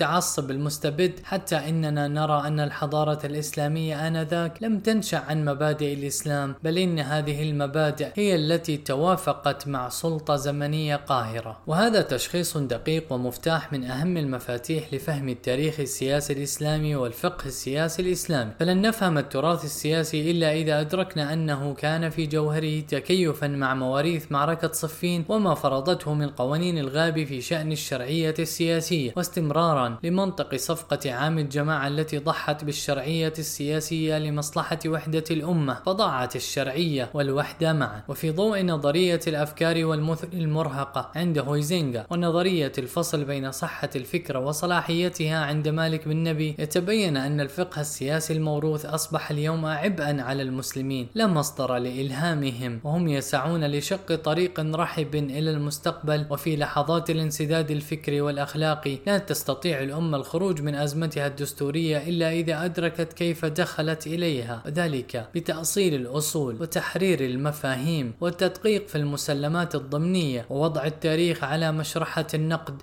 والتحرر من الثوابت التي لم تثبت بمنطوق الوحي أو بداءة الحس أو مسلمات العقل. هشاشة مؤسسية مزمنة. ولا ننسى ضمن من ندين لهم بأفكار ذات قيمة تفسيرية ثمينة. اثنين من علماء السياسة الأمريكية المعاصرين وهما سامويل هنتينغتون وفرانسيس فوكوياما. فالمنهج المؤسسي الذي انتهجه هذان المفكران في تحليل الظاهرة السياسية كان له أثره في هذه الدراسة. وقد لاحظ فوكياما وجود مبدأ عام للمحافظة على المؤسسات في مختلف المجتمعات البشرية وهو أمر يمكن أن يفسر حذر الفقه السياسي الإسلامي القديم من الفتنة وحرصه على وحدة الكلمة وحماية البيضة ولو على حساب الشرعية السياسية والعدل السياسي. وهذا المنحى المؤسسي في التحليل السياسي الذي تبناه هنتينغتون وفوكياما أعانهما على إدراك الصعوبة التي تواجهها المجتمعات البشرية حين تضطر إلى التضحية بالشرعية السياسية لمصلحة وحدة الجماعة في ظروف تشاؤم عميق حول إمكان الجمع بين الشرعية والوحدة. وقد رصدنا هذا التشاؤم في الثقافة السياسية الإسلامية خلال الحديث عن صفين والتشاؤم الدفين في الفصل الخامس. وهو ليس ظاهرة خاصة بالحضارة الإسلامية بل هو ظاهرة عامة في كل مجتمع بشري واجه تناقضا وجوديا بين وحدة المجتمع وشرعية السلطة. السلطة. ولعل من أبلغ من عبروا عن هذه المعادلة الصعبة هو والتر ليبمان فيما نقله عنه هنتينغتون من قوله ما من حاجة بالنسبة إلى الذين يعيشون جماعات أشد إلحاحا من أن يكونوا محكومين بحكم ذاتي إذا أمكن بحكم جيد إذا كانوا محظوظين لكن أن يكونوا محكومين على أي حال. ولا أبلغ من ذلك بالنسبة إلى دراستنا هذه هو تعليق هنتينغتون على هذه المقولة حيث قال كتب السيد ليبمان هذه الكلمات في لحظة يأس من الولايات المتحدة فاليأس من إصلاح السلطة السياسية أو صلاحها هو الذي يدفع الناس إلى قبول أي نوع من السلطة ولو كانت استبدادية جائرة. وقد بالغ كل من هينكتينغتون وفوكياما في التعبير عن أهمية المؤسسات فصارت نظريتهم السياسية أقرب إلى داروينية معاصرة وهوبزية مؤسسية. حلت فيها المؤسسة محل وحش هوبز الشهير حتى أن هينتينغتون ذهب إلى اعتبار الجندي بناء للمؤسسة السياسية حيث يستطيع الجيش أن يكون متماسكا وبيروقراطيا ومنظما وهذا ما تحتاجه المؤسسات السياسية من وجهة نظره. واتفق هو وتلميذه فوكوياما في ترجيح جانب المؤسسة على جانب الحرية وفي أن النظام السياسي يجب أن يحظى بالأولوية على الديمقراطة. ولسنا نتفق مع هذين المفكرين في هذه المبالغة التي تقترب من عبادة المؤسسة في ذاتها ولذاتها. ولا نرى الطغيان بديلا عن الفوضى. وقد وقع فوكوياما في أخطاء جسيمة خلال رصده للتطور السياسي في التاريخ الإسلامي كما سنبينه في الفصل الخامس بسبب ضحالة معرفته بالثقافة الإسلامية لكن يبقى لهذين المفكرين السياسيين فضل كبير على هذه الدراسة في نظراتهما الثاقبة إلى ظاهرة التطور السياسي في المجتمعات البشرية من منظور مؤسسي. النص والتاريخ الملهم إن مما يميز هذه الدراسة عن غيرها من الدراسات المتداولة هو كثافة النص السياسي الإسلامي، والمقصود بالنص السياسي الإسلامي الآيات القرآنية ذات المدلول السياسي، سواء منها ما يتناول قيما سياسية مجردة كالأمانة والعدل والطاعة، أو ما يحمل دلالة سياسية عملية كالصراع بين الرسل وأقوامهم، أو بين المستضعفين والمستكبرين، كما نقصد بالنص السياسي الإسلامي الكم الهائل من السنن السياسية الموجودة في مدونات الحديث النبوي سواء في صيغة نصوص قولية آمرة وناهية أو في صيغة وصف لأفعال النبي صلى الله عليه وسلم السياسية وإجماعات الصحابة في عهد الخلفاء الراشدين قبل الفتنة الكبرى. فقد وقع الحيف كثيرا على هذه السنن السياسية وفرط فيها دارسو المسألة السياسية الإسلامية قديما وحديثا تفريطا كبيرا. تتميز الدراسة كذلك بحضور أهل النص السياسي الإسلامي والمقصود بهم أهل الحديث والفقه فقد ترك لنا هؤلاء تراثا ثريا من التفاعل مع النص ومع الواقع لم يمنحه الباحثون المعاصرون حقه من التقدير ولم يبذلوا جهدا كبيرا لفهم منطقه الداخلي. لقد انشغل كثيرون بكتب الآداب السلطانية عن النص الإسلامي. وعن إسهامات أهل النص الإسلامي فمنهم من فعل ذلك انطلاقا من موقف علماني أو شبه علماني استعلاء على النص الديني وما يتصل به. ومنهم من فعله زاهدا في ثمار الأفكار التي تركها الفقهاء والمحدثون لأنهم اعتبروا أهل الفقه والحديث غير داخلين ضمن أهل النظر السياسي. وقد غفل هؤلاء عن أن الفقهاء والمحدثين شكلوا النسيج الأخلاقي في المجتمعات الإسلامية في السياسة وغير السياسة. أكثر مما شكله كتاب الآداب السلطانية. لقد ظل النموذج الأول الذي تجسد فيه النص السياسي الإسلامي على الأرض خلال دولة النبوة والخلافة الراشدة تاريخا ملهما وذاكرة محفزة للضمير المسلم مما جعل الإمكان السياسي الإسلامي متمنعا على النسيان وليس التاريخ الملهم خصوصية إسلامية فكل الشعوب التي تحمل في ذاكرتها الجمعية ماضيا حرا تكتسب مناعة ضد الاستبداد وإن هي اضطرت إلى قبول الاستبداد بعقولها استجابة لضرورة عملية فإنها لا تقبله بقلوبها قبولا دائما ولا تفتأ تبحث في ماضيها الحر عن إلهام ودليل إلى طريق الحرية. وقد نبه ميكافيلي الأمراء المستبدين على صعوبة الهيمنة على المجتمعات التي ذاقت طعم الحرية في الماضي. ونصحهم بإبادة تلك المجتمعات إذا غزوها والقضاء عليها قبل أن تقضي عليهم فقال ومن يصبح حاكما لمدينة كانت حرة ولا يدمرها؟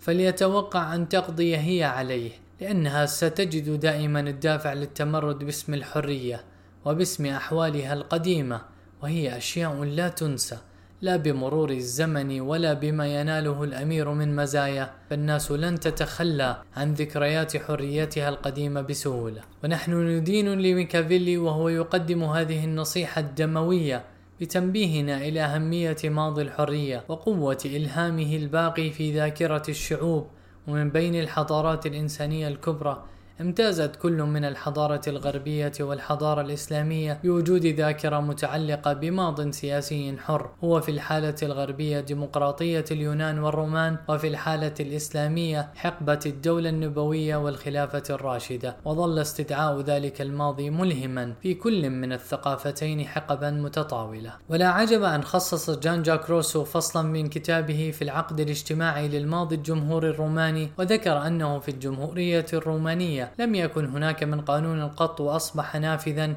ولا من حاكم قط وتم انتخابه إلا وكان ذلك داخل مجالس الشعب. الشعب الروماني كان حقيقة صاحب السيادة في الحق والواقع. ولا عجب أيضا أن رجع آباء الثورة الأمريكية في الأوراق الفيدرالية إلى كل من الماضي الديمقراطي في اليونان والرومان واستلهموه. حتى إن الكتاب الثلاثة الذين صاغوا الأوراق الفيدرالية ألكسندر هاملتون وجون جاي وجيمس ماديسون اختاروا بوبيليوس اسما مستعارا لتوقيع جميع تلك الأوراق الثمانين وبوبيليوس هو أحد الساسة الرومان اشتهر ببلاغته وجوده والتزامه بالمبادئ الجمهورية.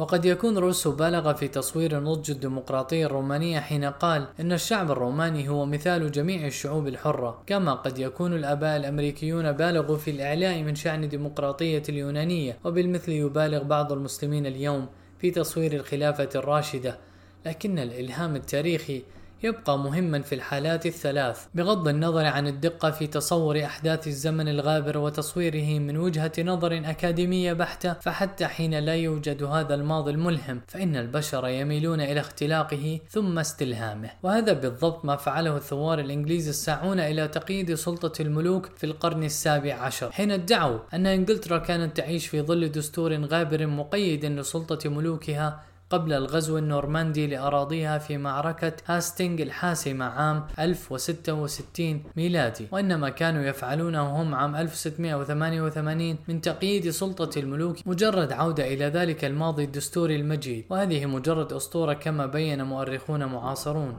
لكن يبدو أنها كانت أسطورة مفيدة في لحظة تحول تاريخي.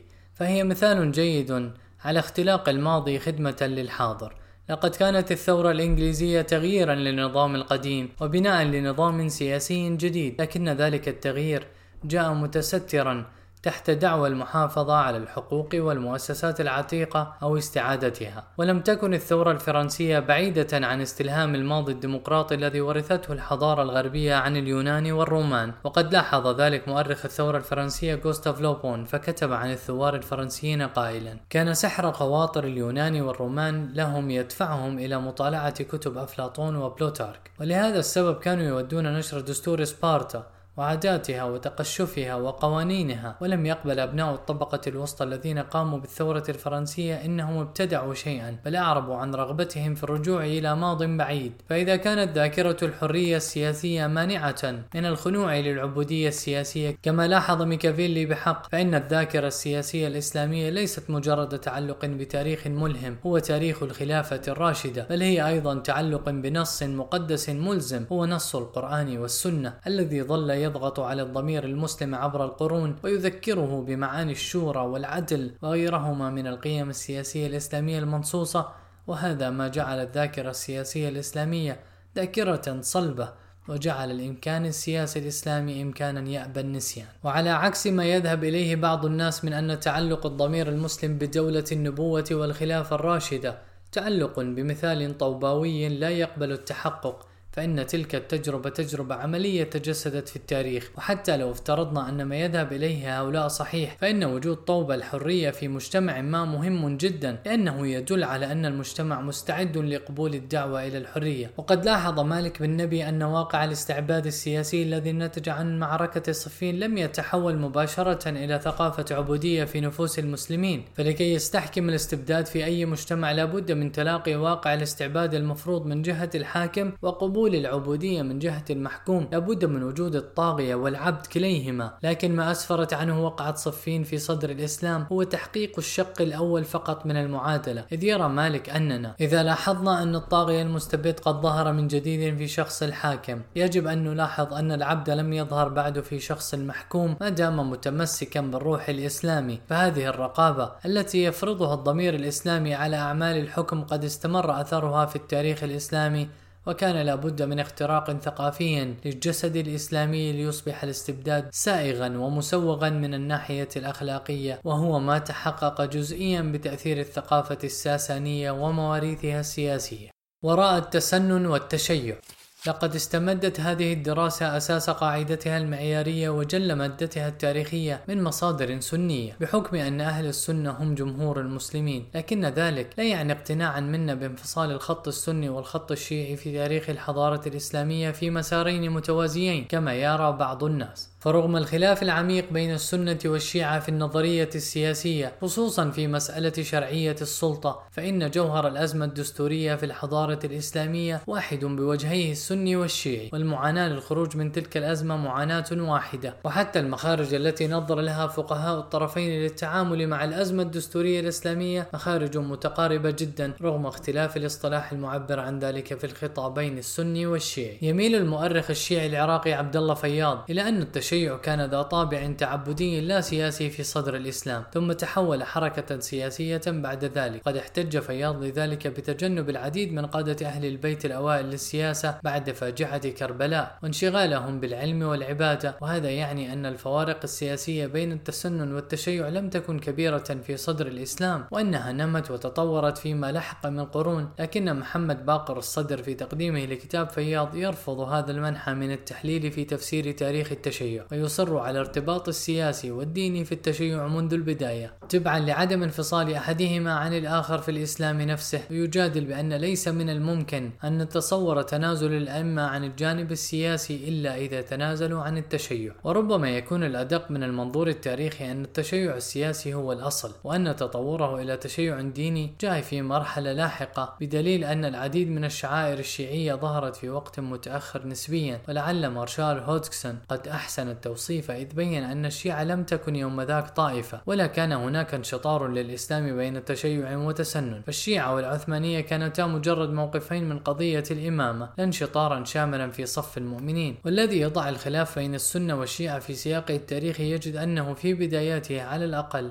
كان مجرد عرض من أعراض الأزمة الدستورية في الحضارة الإسلامية فالتشيع والتسنن كلاهما وليد لهذه الأزمة. من رحمها خرجا ولمنطقها استأثرا حتى اليوم. ولأن التسنن والتشيع عرضان للأزمة ذاتها فقد عبرا عن التكيف مع القهر السياسي بالآلية الذهنية ذاتها رغم الاختلاف بينهما في الجدل الكلامي حول الإمامة. فقد ضحى كل من السنة والشيعة بالشرعية السياسية في النهاية فحصر الشيعة الإمامة في الأسرة النبوية آل البيت. وحصر السنة الخلافة في القبيلة النبوية قريش. ثم قال الشيعة بعصمة الأئمة وقال السنة بعدالة الصحابة وهي صيغة مخففة من العصمة. وأخيرا تبنى الشيعة التقية وتبنى السنة المدارة وإذا كانت التقية هي الحذر من إظهار ما في النفس من معتقد وغيره فإن المدارة هي الملاينة والملاطفة. وفي السياق السياسي يتضمن كلا المفهومين مداهنة للحاكم الجائر خوفا من سطوته أو خوفا على الأمة من التمزق. ويدل كل ذلك في المجمل على أن الفكر السني والشيعي وليدان لنفس الفعل التاريخي فكلاهما تكيف مع قهر الدولة ورفض له في الوقت ذاته. وسنوضح في الفصل الخامس جوانب من هذا التكيف مع القهر السياسي في كل من الفقه السياسي السني والشيعي على أن هذا لا يعني إنكارا للفجوة الكبيرة بين النظرية السياسية بين السنة والشيعة. فلا شك أن الطابع القدسي الذي اتسمت به نظرية الإمامة في التشيع جعلها بعيدة جدا عن مبدأ الشورى القرآني وعن المنظور السياسي السني. وإنما المقصود من وجهة نظرنا هو أن هذا الخلاف العميق في النظرية السياسية صاحبه تقارب كبير في آليات التكيف مع القهر السياسي لدى السنة والشيعة. فقبل أهل السنة على مضض ما رأوه غصبا لحق الأمة وقبل وقبل الشيعة على مضض ما رأوه غصبا لحق الأئمة وهذا يدل على أن الأزمة الدستورية في الحضارة الإسلامية أزمة واحدة في العمق والجوهر حتى وإن عبر السنة والشيعة عن ذلك بلغة فقهية وكلامية مختلفة.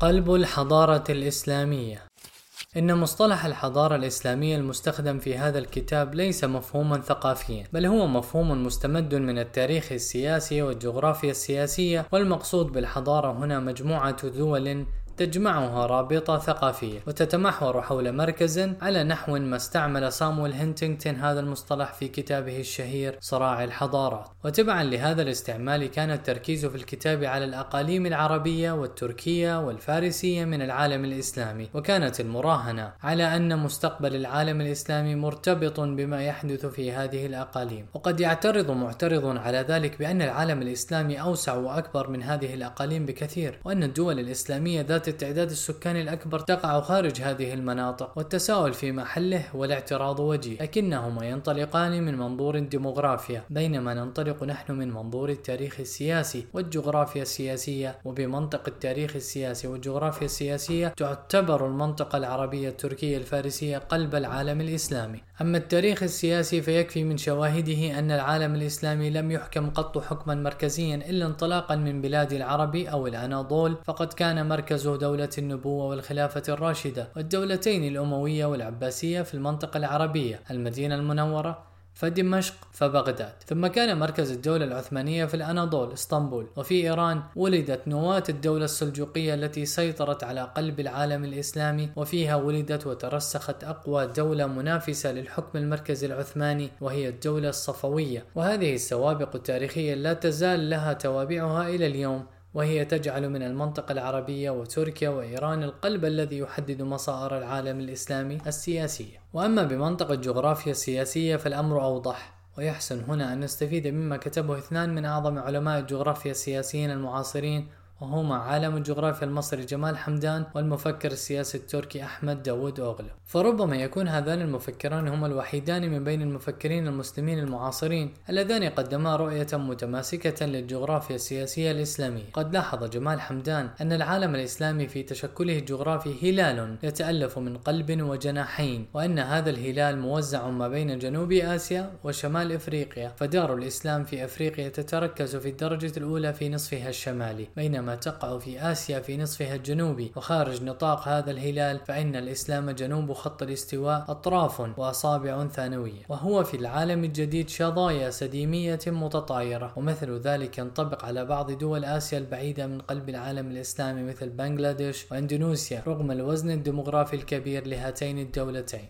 وأما قلب العالم الإسلامي كما يقول حمدان فهو في العالم العربي الذي هو النواة النووية للإسلام. والقطب المغناطيسي للمؤمنين وهو ينبوع الإسلام ونافورته تاريخيا وجغرافيا. وأما جناح الهلال فهما يمتدان شرقا في جنوب آسيا وغربا في شمال إفريقيا. وليست مركزية العالم العربي في العالم الإسلامي راجعة إلى فضل العرب على غيرهم من أبناء الأسرة الإسلامية أو الإنسانية بل إلى عوالم أخرى تنتسب للتاريخ والجغرافيا الدينية والثقافية. أهمها أن بلاد العرب هي مهد العقيدة وموطن الأماكن المقدسة مكة والمدينة والقدس. القدس وكون اللغة العربية مرتبطة ارتباطا عضويا بالوحي الإسلامي فاللغة العربية عنصر أكثر ارتباطا وأشد التصاقا بالإسلام من العرب أنفسهم. كما لاحظ جمال حمدان بحق كما أن القلب ليس دائما مصدر صحة وقوة للجسد بل قد يكون مصدر علة وضعف أحيانا وليس قلب العالم الإسلامي استثناء من ذلك. لكن المتأمل في الجغرافيا السياسية التي تصورها جمال حمدان يجد بعض التفاصيل الضائعة. أهمها أن حمدان ترك الطير الإسلامي العملاق من غير رأس رغم أن الخريطة تضع تركيا في موقع الرأس من هيكل هذا الطير ذي القلب والجناحين ويرجع هذا الحذف المثير إلى تحيزات جمال حمدان القومية العربية ضد الأتراك. وهي تحيزات نجدها أكثر صراحة ووضوحا في حديثه عن تاريخ الدولة العثمانية حيث جعل حمدان الدولة الإسلامية حين حكمها العرب إمبراطورية تحريرية بينما جعل الحكم التركي للعالم الإسلامي نوعا من الاستعمار الديني للعالم الغربي حيث جاء الأتراك في مسوح الدين الإسلامي وتحت قناعه. كما يدعي حمدان الذي يزعم أيضا أن ما دعاه الاستعمار التركي للعرب كان استعمارا عقيما في نتائجه وإنجازاته. ولو أنصف حمدان لاعترف بأن العرب كانوا سيف الإسلام في مرحلة الاندفاع وأن الترك كانوا درع الإسلام في مرحلة الدفاع وأن كلا الشعبين وغيرهما من الأقوام المسلمة كان له إسهامه في الحضارة الإسلامية. ويكفي لإدراك هذه الحقيقة أن يتأمل المنصف ما كتبه ابن خلدون في تاريخه عن دور الأتراك في في حماية حدود الحضارة الإسلامية وتجديد نضارتها بعد أن وهن سلطان العرب. أما إسقاط مقولات الاستعمار والتحرير المعاصرة على إمبراطورية إسلامية قديمة تجمع مختلف الأقوام فهو إسقاط غير موفق. وما كان ليقع فيه مفكر عبقري بمستوى جمال حمدان لولا الهوى القومي الذي أعمى كثيرا من العرب والأتراك المعاصرين عن رؤية ما يجمع بينهم من أرحام دينية وتاريخية. ويبقى الاعتراف بالفضل لحمدان في إضفاء المعنى على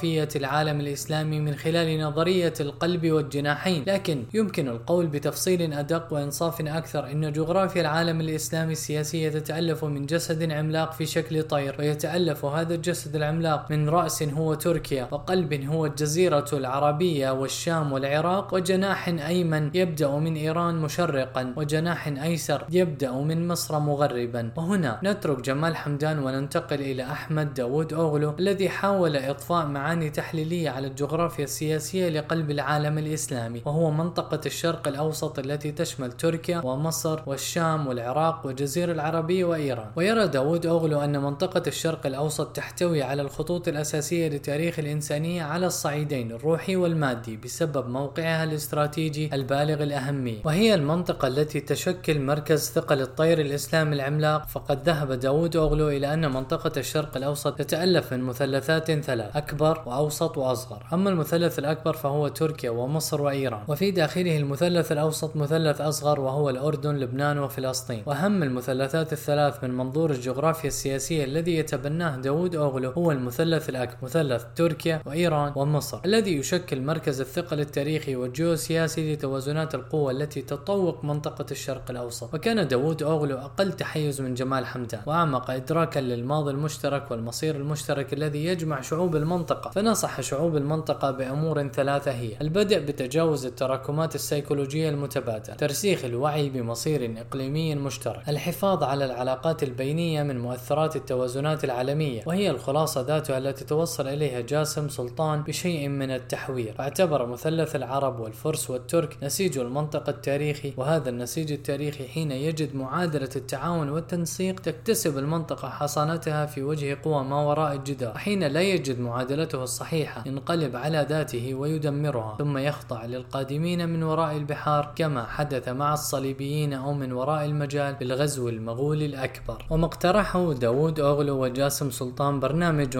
طموح لا مستقبل للمنطقة بدونه. لكنه لا تزال تعوقه عوائق عديدة منها التحيزات القومية المتبادلة ونفوذ الدول المعيق لأي توافق بين أقطاب المنطقة والأنانية السياسية الناتجة عن إمساك المستبدين بزمام الأمور وربما يكون من أهم هذه العوائق أيضا ما دعاه داود أوغلو انكفاء إيران في حفرة من الانغلاق الاستراتيجي. وهو ليس انغلاقا محضا في الحقيقة بل هو مزيج من التمدد السياسي والانغلاق المذهبي. تحول إلى مفارقة خطيرة أضرت بإيران وبالمنطقة كثيرا وحجمت مكانة إيران التاريخية في العالم الإسلامي رغم أنها تقع في قلب الجناح الأيمن من الطير الإسلامي العملاق. وسيظل ما يحدث فيها بوجهيه المضيء والقاتم من أهم محددات المصائر السياسية في الحضارة الإسلامية. على أن ما يهمنا الآن من هذه التحليلات في الجغرافيا السياسية هو تبيان السبب الذي دفعنا إلى التركيز على العالم العربي وتركيا وإيران في دراسة الأزمة الدستورية في الحضارة الإسلامية. فلسنا نختزل الحضارة الإسلامية في العالم العربي وتركيا وإيران. لكننا ندرك أن تركيا تقع في منطقة الرأس من الجغرافيا السياسية الإسلامية وأن العالم العربي هو الجزء الأكبر من صدر العالم الإسلامي ومن جناحه الأيسر وهو قلب العالم الإسلامي الروحي الثقافي.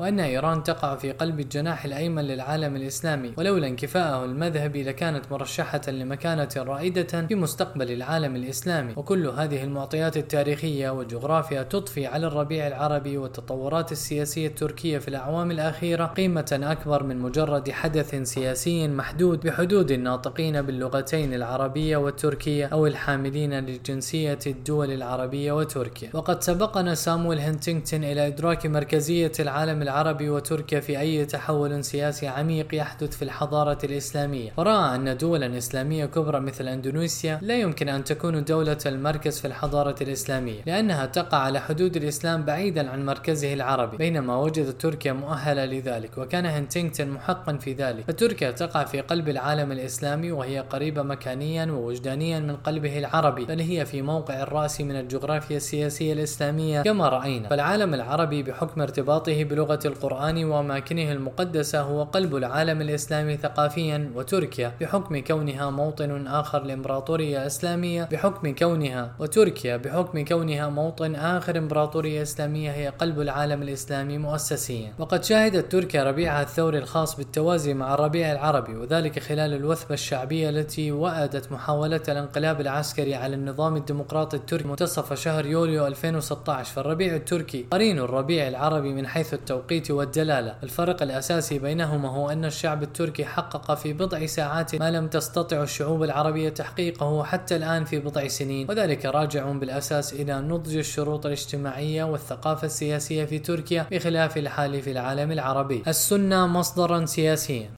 وقبل أن نختم هذا المدخل الذي طال كثيرا لابد من استطراد يتعلق بقضية المصادر خصوصا كتب الحديث النبوي. فسيلاحظ القارئ كثافة الاستمداد من مدونات السنة النبوية في القسم الأول من الكتاب. باعتبار السنة النبوية مصدرا تشريعيا كما سيجد حضور هذه المدونات في القسم الثاني أيضا باعتبار كتب السنة مصدرا تاريخيا. وهنا يحسن أن نبين المسوغات المنهجية لكثافة الاستمداد من مدونات الحديث النبوي. لقد درج أكثر المستشرقين وبعض الباحثين الباحثين المسلمين السالكين مسالكهم إلى التشكيك في الأصالة التاريخية لمادة الحديث النبوي التي وصلتنا عبر منهج الإسناد والطعن في استخدام دواوين السنة مصدرا تشريعيا وتاريخيا يوثق به. ورجح بعضهم عليها كتب التاريخ والأخبار من حيث المصدرية التاريخية. حتى ادعى هشام جعيط أن ما نقله الإخباريون والمؤرخون أكثر ارتباكا وأقل صقلا وتهذيبا من ذاك الذي صنعته أيدي صانعي الأسانيد والأحاديث ولكنه أكثر صحة بكل تأكيد وفي الدراسات الغربية كثيرا ما اتجه التشكيك في تاريخية السنة اتجاها أيديولوجيا فجا. وتضمن الكثير من الجوانب التحيز الدينية والثقافية انطلاقا من الطعن في أصالة الرسالة الإسلامية ذاتها واستئثارا لمسلمة ضمنية متوارثة في الموقف الغربي من الدين الإسلامي. وهي أن الإسلام مجرد استعارة زائفة من اليهودية والمسيحية. تحكمت فيها ردود الأفعال والسعي الدائب إلى إثبات الذات تجاه هاتين الديانتين. وما يفترض أصله زيفا لا يمكن الثقة بتفاصيله بطبيعة الحال. وقد بين الباحث جوناثان براون بعض الدوافع الدينية والأيديولوجية وراء المواقف الاستشراقية من السنة النبوية ومنطق الهيمنة الثقافية الثاوي وراء تلك المواقف رغم ما تتستر وراءه أحيانا من لبوس الحياد الأكاديمي. كما أوضح براون تأسي بعض المستشرقين بالدراسات النقدية للعهد القديم والجديد ونقلهم لتلك المقاييس النقدية دون نقد إلى دراسة كتب السنة النبوية دون مراعاة للفوارق الفوارق في طرائق التدوين ومنهجيته في التاريخ الإسلامي والمسيحي وفي القيمة التاريخية للمنهجين. وأحيانا يأتي التشكيك الاستشراقي في شكل افتراضات وتعميمات لا يسندها الدليل التفصيلي الموثق ومن أوائل المشككين في السنة المستشرق المجري إغناتس يهودا جولزر وهو مؤسس مدرسة فكرية في هذا المضمار تركت بصمتها على الدراسات الاستشراقية اللاحقة وعلى بعض الدراسات في العالم الإسلامي. والافتراض الأساسي لجولزر هو أن جل الأحاديث النبوية النبوية المتداولة اليوم مختلقة في العصرين الأموي والعباسي لدوافع سياسية وأن لا صلة لها بالعصر النبوي. لكن العقود الأخيرة شهدت اعترافا من داخل الدراسات الاستشراقية بأن تدوين الحديث النبوي كان أكثر صلابة من الناحية التاريخية مما تخيله الطاعنون في السنة ولم يظهر هذا الاعتراف إلا بعد التعامل بشيء من التواضع مع جهود علماء الحديث المسلمين. ولعل مدرسة هارولد موتسكي ومن على شاكلته من المستشرقين الجدد قد أعادت شيئا من التوازن للنظرة الاستشراقية التشكيكية وفتحت آفاقا أوسع لتقدير جهود علماء الحديث المسلمين وقيمتها التاريخية الثمينة. وقد برهن موتسكي على أن افتراضات جولدزيهر انتقائية في طبيعتها وأنها مبنية على استقراء ضعيف للمعطيات التاريخية إضافة إلى أن الأمثلة التي يوردها هي في الغالب أحاديث يطعن علماء الإسلام أنفسهم في صحتها. ولسنا ننكر فائدة الدراسات الاستشراقية للسنة النبوية من حيث هي محفز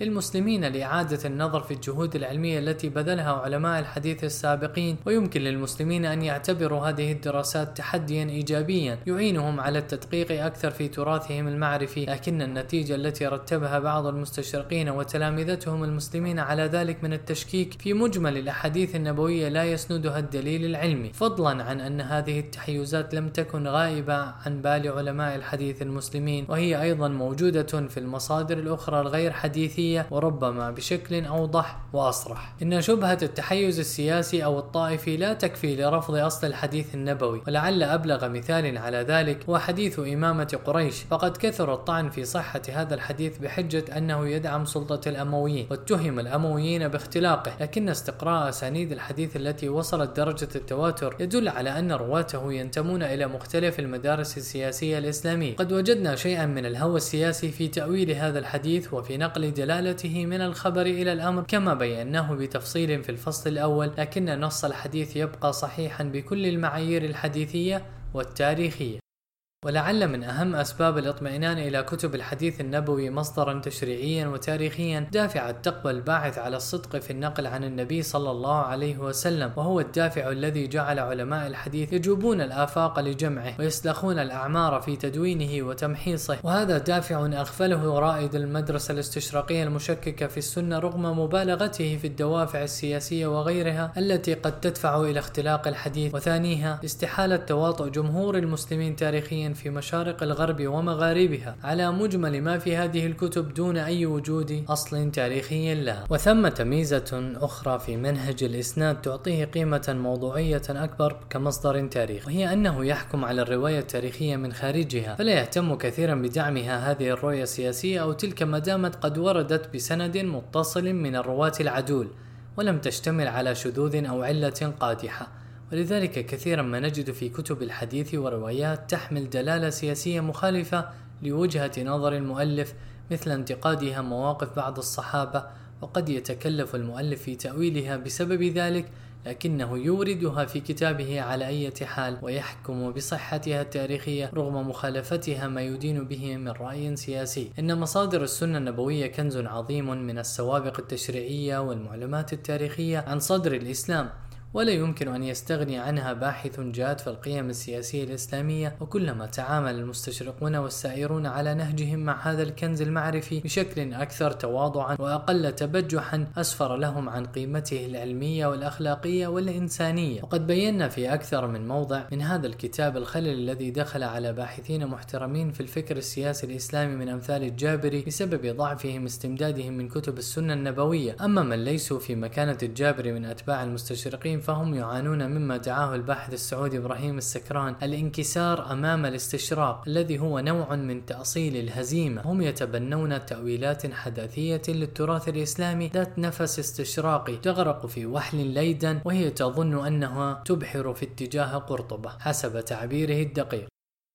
ثغرة في الطريق المسدود. كان الإسلام وسيظل هو مصدر الشرعية للسلطة الحاكمة ولمعارضيها في أغلب الدول ذات الغالبية المسلمة. ولذلك أصبح هذا الدين منطقة متنازعا عليها بين طرفين يتصارع كل منهما من أجل انتصار تأويله في النهاية. وسيظل النص الإسلامي والتاريخ الإسلامي المبكر ملهما لضمائر المسلمين. وهم يسعون إلى الخروج من الأزمة الدستورية المزمنة في الحضارة الإسلامية. ويواجه الغربيون صعوبة شديدة في فهم اندراج السياسة ضمن المنظور الديني الإسلامي وقد اضطروا أحيانا إلى وصف ذلك الاندراج أوصافا غريبة ومتناقضة. ومن أمثلة ذلك ما نقله فرانز روزنتال من وصف لويس ماسينيون الإسلام بأنه ثيوقراطية علمانية مساواتية وأقل دقة منه قول روزنتال نفسه.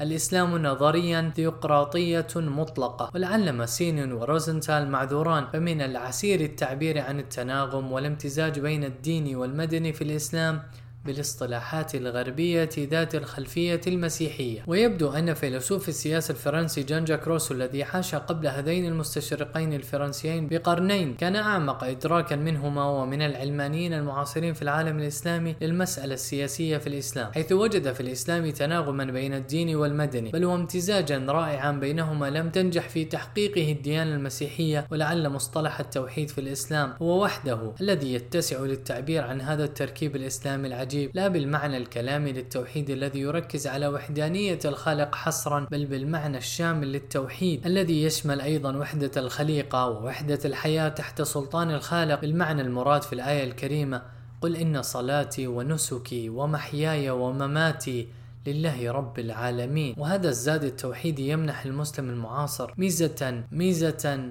يحتاج أن يقدرها حق قدرها. وربما كان مالك بن نبي محقا في إدراكه رسالة الإنسان المسلم في العصر العالمي الجديد إذ كتب.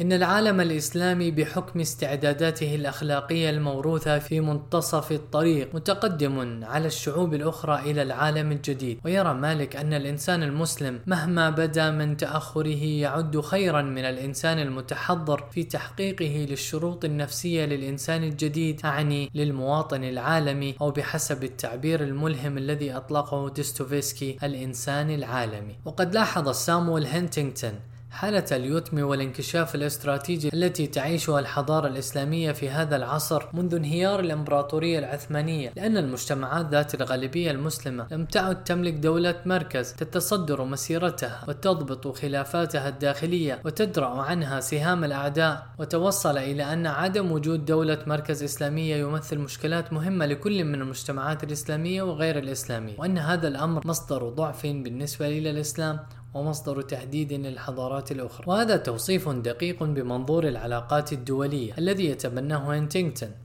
لكن ما رأى هنتينغتون لا يعد أن يكون الوجه الخارجي للمعضلة الإسلامية. ونحن نرى أن الوجه الداخلي لهذه المعضلة أكبر وأهم. ونميل إلى أن مصدر الضعف الأكبر في المجتمعات الإسلامية اليوم ومصدر التهديد الأخطر للمجتمعات الغير إسلامية ليس غياب الدولة المركزية في العالم الإسلامي بل غياب السلطة الشرعية في المجتمعات المسلمة. وذلك ما نقصده هنا بالأزمة الدستورية في الحضارة الإسلامية. وعلاج الأزمة الدستورية التي بدأت تفيض على المجتمعات الأخرى لن يكون بصعود دولة قوية ترتب شؤون العالم الإسلامي رغم فائدة ذلك وضرورته ما لم يسبقه ترتيب البيت السياسي الداخلي في المجتمعات الإسلامية. إن المصالحة مع الذات ومع بقية البشرية أصبحت أمرا حتميا للمسلمين ولبقية البشر. والانفكاك بين الظاهرتين في الزمن الحاضر. فبقدر ما يتصالح المسلمون مع العالم سيعينهم ذلك على حل الأزمة الدستورية في حضارتهم. أنفسهم وعلى التغلب على جوانب قصورهم الذاتية وبقدر ما يعين الآخرون المسلمين على حل أزمتهم الدستورية ويكفون عن التشبث بمواريثهم الاستعمارية في العالم الإسلامي. سيكون ذلك عونا للمسلمين على التصالح مع بقية البشرية. فهنتينغتون ينتمي إلى ذلك النمط من المفكرين الذين لم يستوعبوا ما دعاه أبي يعرب المرزوقي تمثيل الأزمة الدستورية لأعماق الأزمة البشرية في عصرنا. فهنتينغتون ينتمي إلى ذلك النمط من المفكرين الذين لم يستوعبوا ما دعاه بيعرف المرزوقي ولم يدركوا أن مصير العالم كله رهين علاج بؤرتي الثورة الإسلامية بؤرة تحرير البشرية من التحريف وتحريرها من الطاغوت. ونحن نذهب إلى أبعد من المنظور السلبي الذي نظر به هنتينغسون إلى المعضلة السياسية في الحضارة الإسلامية اليوم. فنرى أن حل الأزمة الدستورية في الحضارة الإسلامية لن يكون منقذا للأمة الإسلامية فقط بل سيكون إسهاما عظيما في إنقاذ البشرية كلها من أزماتها السياسية والأخلاقية. حينما قرر الفيلسوف السياسي الإنجليزي جون لوك أن يقدم لبني وطنه مسارا للخروج من أزمتهم السياسية التي أنتجت حربا أهلية طاحنة دامت أربعة عقود. بدأ عمله بتجريد الاستبداد من الشرعية الدينية والتاريخية. ثم صاغ المبادئ الدستورية التي توصل إليها لكي يشاد البناء على أرضية جديدة صلبة من القيم السياسية. وجعل لوك الرسالة الأولى من رسالتيه العظيمتين في الحكم المدني بعنوان في بعض المبادئ الفاسدة في الحكم. ورد فيها ردا مفحما على معاصره روبرت فيلمر في قوله بنظرية التفويض الإلهي التي تجعل شرعية الملوك مستمدة من الخالق لا من الخلق. وبعد أن مهد لوك الأرض في رسالته الأولى بهدم الأساس الأخلاقي للاستبداد في ثقافة قومه قدم فكرة العقد الاجتماعي المبني على الحقوق الطبيعية في رسالته الثانية التي جعل عنوانها في نشأة الحكم المدني الصحيح ومداه وغايته. وبرهن فيها على أن التعاقد والتراضي الاجتماعي هو المصدر الوحيد للشرعية السياسية فكان لأفكاره فعل آسر لأنها أفكار حية خرجت في إبانها. وقد كان الموكب الذي حمل ماري زوجة ويليام أوف أورنج من هولندا إلى إنجلترا مطلع عام 1689 لاستكمال نصر الثورة المجيدة وإعلان إنجلترا ميلاد أول مملكة دستورية في التاريخ يحمل أيضا جون لوك وكتابه في الحكم المدني ويعني ذلك من وجهة نظر تاريخ الأفكار أن الثورة الإنجليزية وجدت شرارتها الفكرية الضامنة لاستقرارها واستمرارها كما يعني أهمية الأفكار بوصفها سببا في التطور السياسي حسب تعبير فوكوياما الذي لاحظ كيف تشكلت الثورة المجيدة بمفهوم لوك الأوسع عن الحقوق الطبيعية. وكما وجدت الثورة الإنجليزية شرارتها الفكرية الملهمة في رسالتي جون لوك. وجدت الثورة الأمريكية إلهامها الفكري في كتيب توماس بين المنطق السليم ودليلها العملي والإجرائي في الأوراق الفيدرالية. ووجدت الثورة الفرنسية شرارتها الفكرية في كتاب جان جاك روسو في العقد الاجتماعي وما تحتاجه الحضارة الإسلامية للخروج من أزمتها. الدستورية المزمنة هو شرارة فكرية ثاقبة تخترق سقف الفقه السلطاني الموروث وخريطة وخريطة وخريطة أخلاقية جديدة تفتح أمام المسلمين آفاق المستقبل. لقد ولدت هذه الدراسة في لحظة حرجة من عمر الحضارة الإسلامية وهي لحظة انتقال سياسي عنيف وعميق في قلب العالم الإسلامي. فمن تونس حيث صاغ ابن خلدون مقدمته التي هي أشبه ما تكون بقصيدة رثاء نثرية طويلة وحزينة في الحضارة الإسلامية بدأت ثورة الربيع العربي. فكانت تلك الثورات أول أمل جدي منذ القرن الأول الهجري في الخروج من الأزمة الدستورية في الحضارة الإسلامية.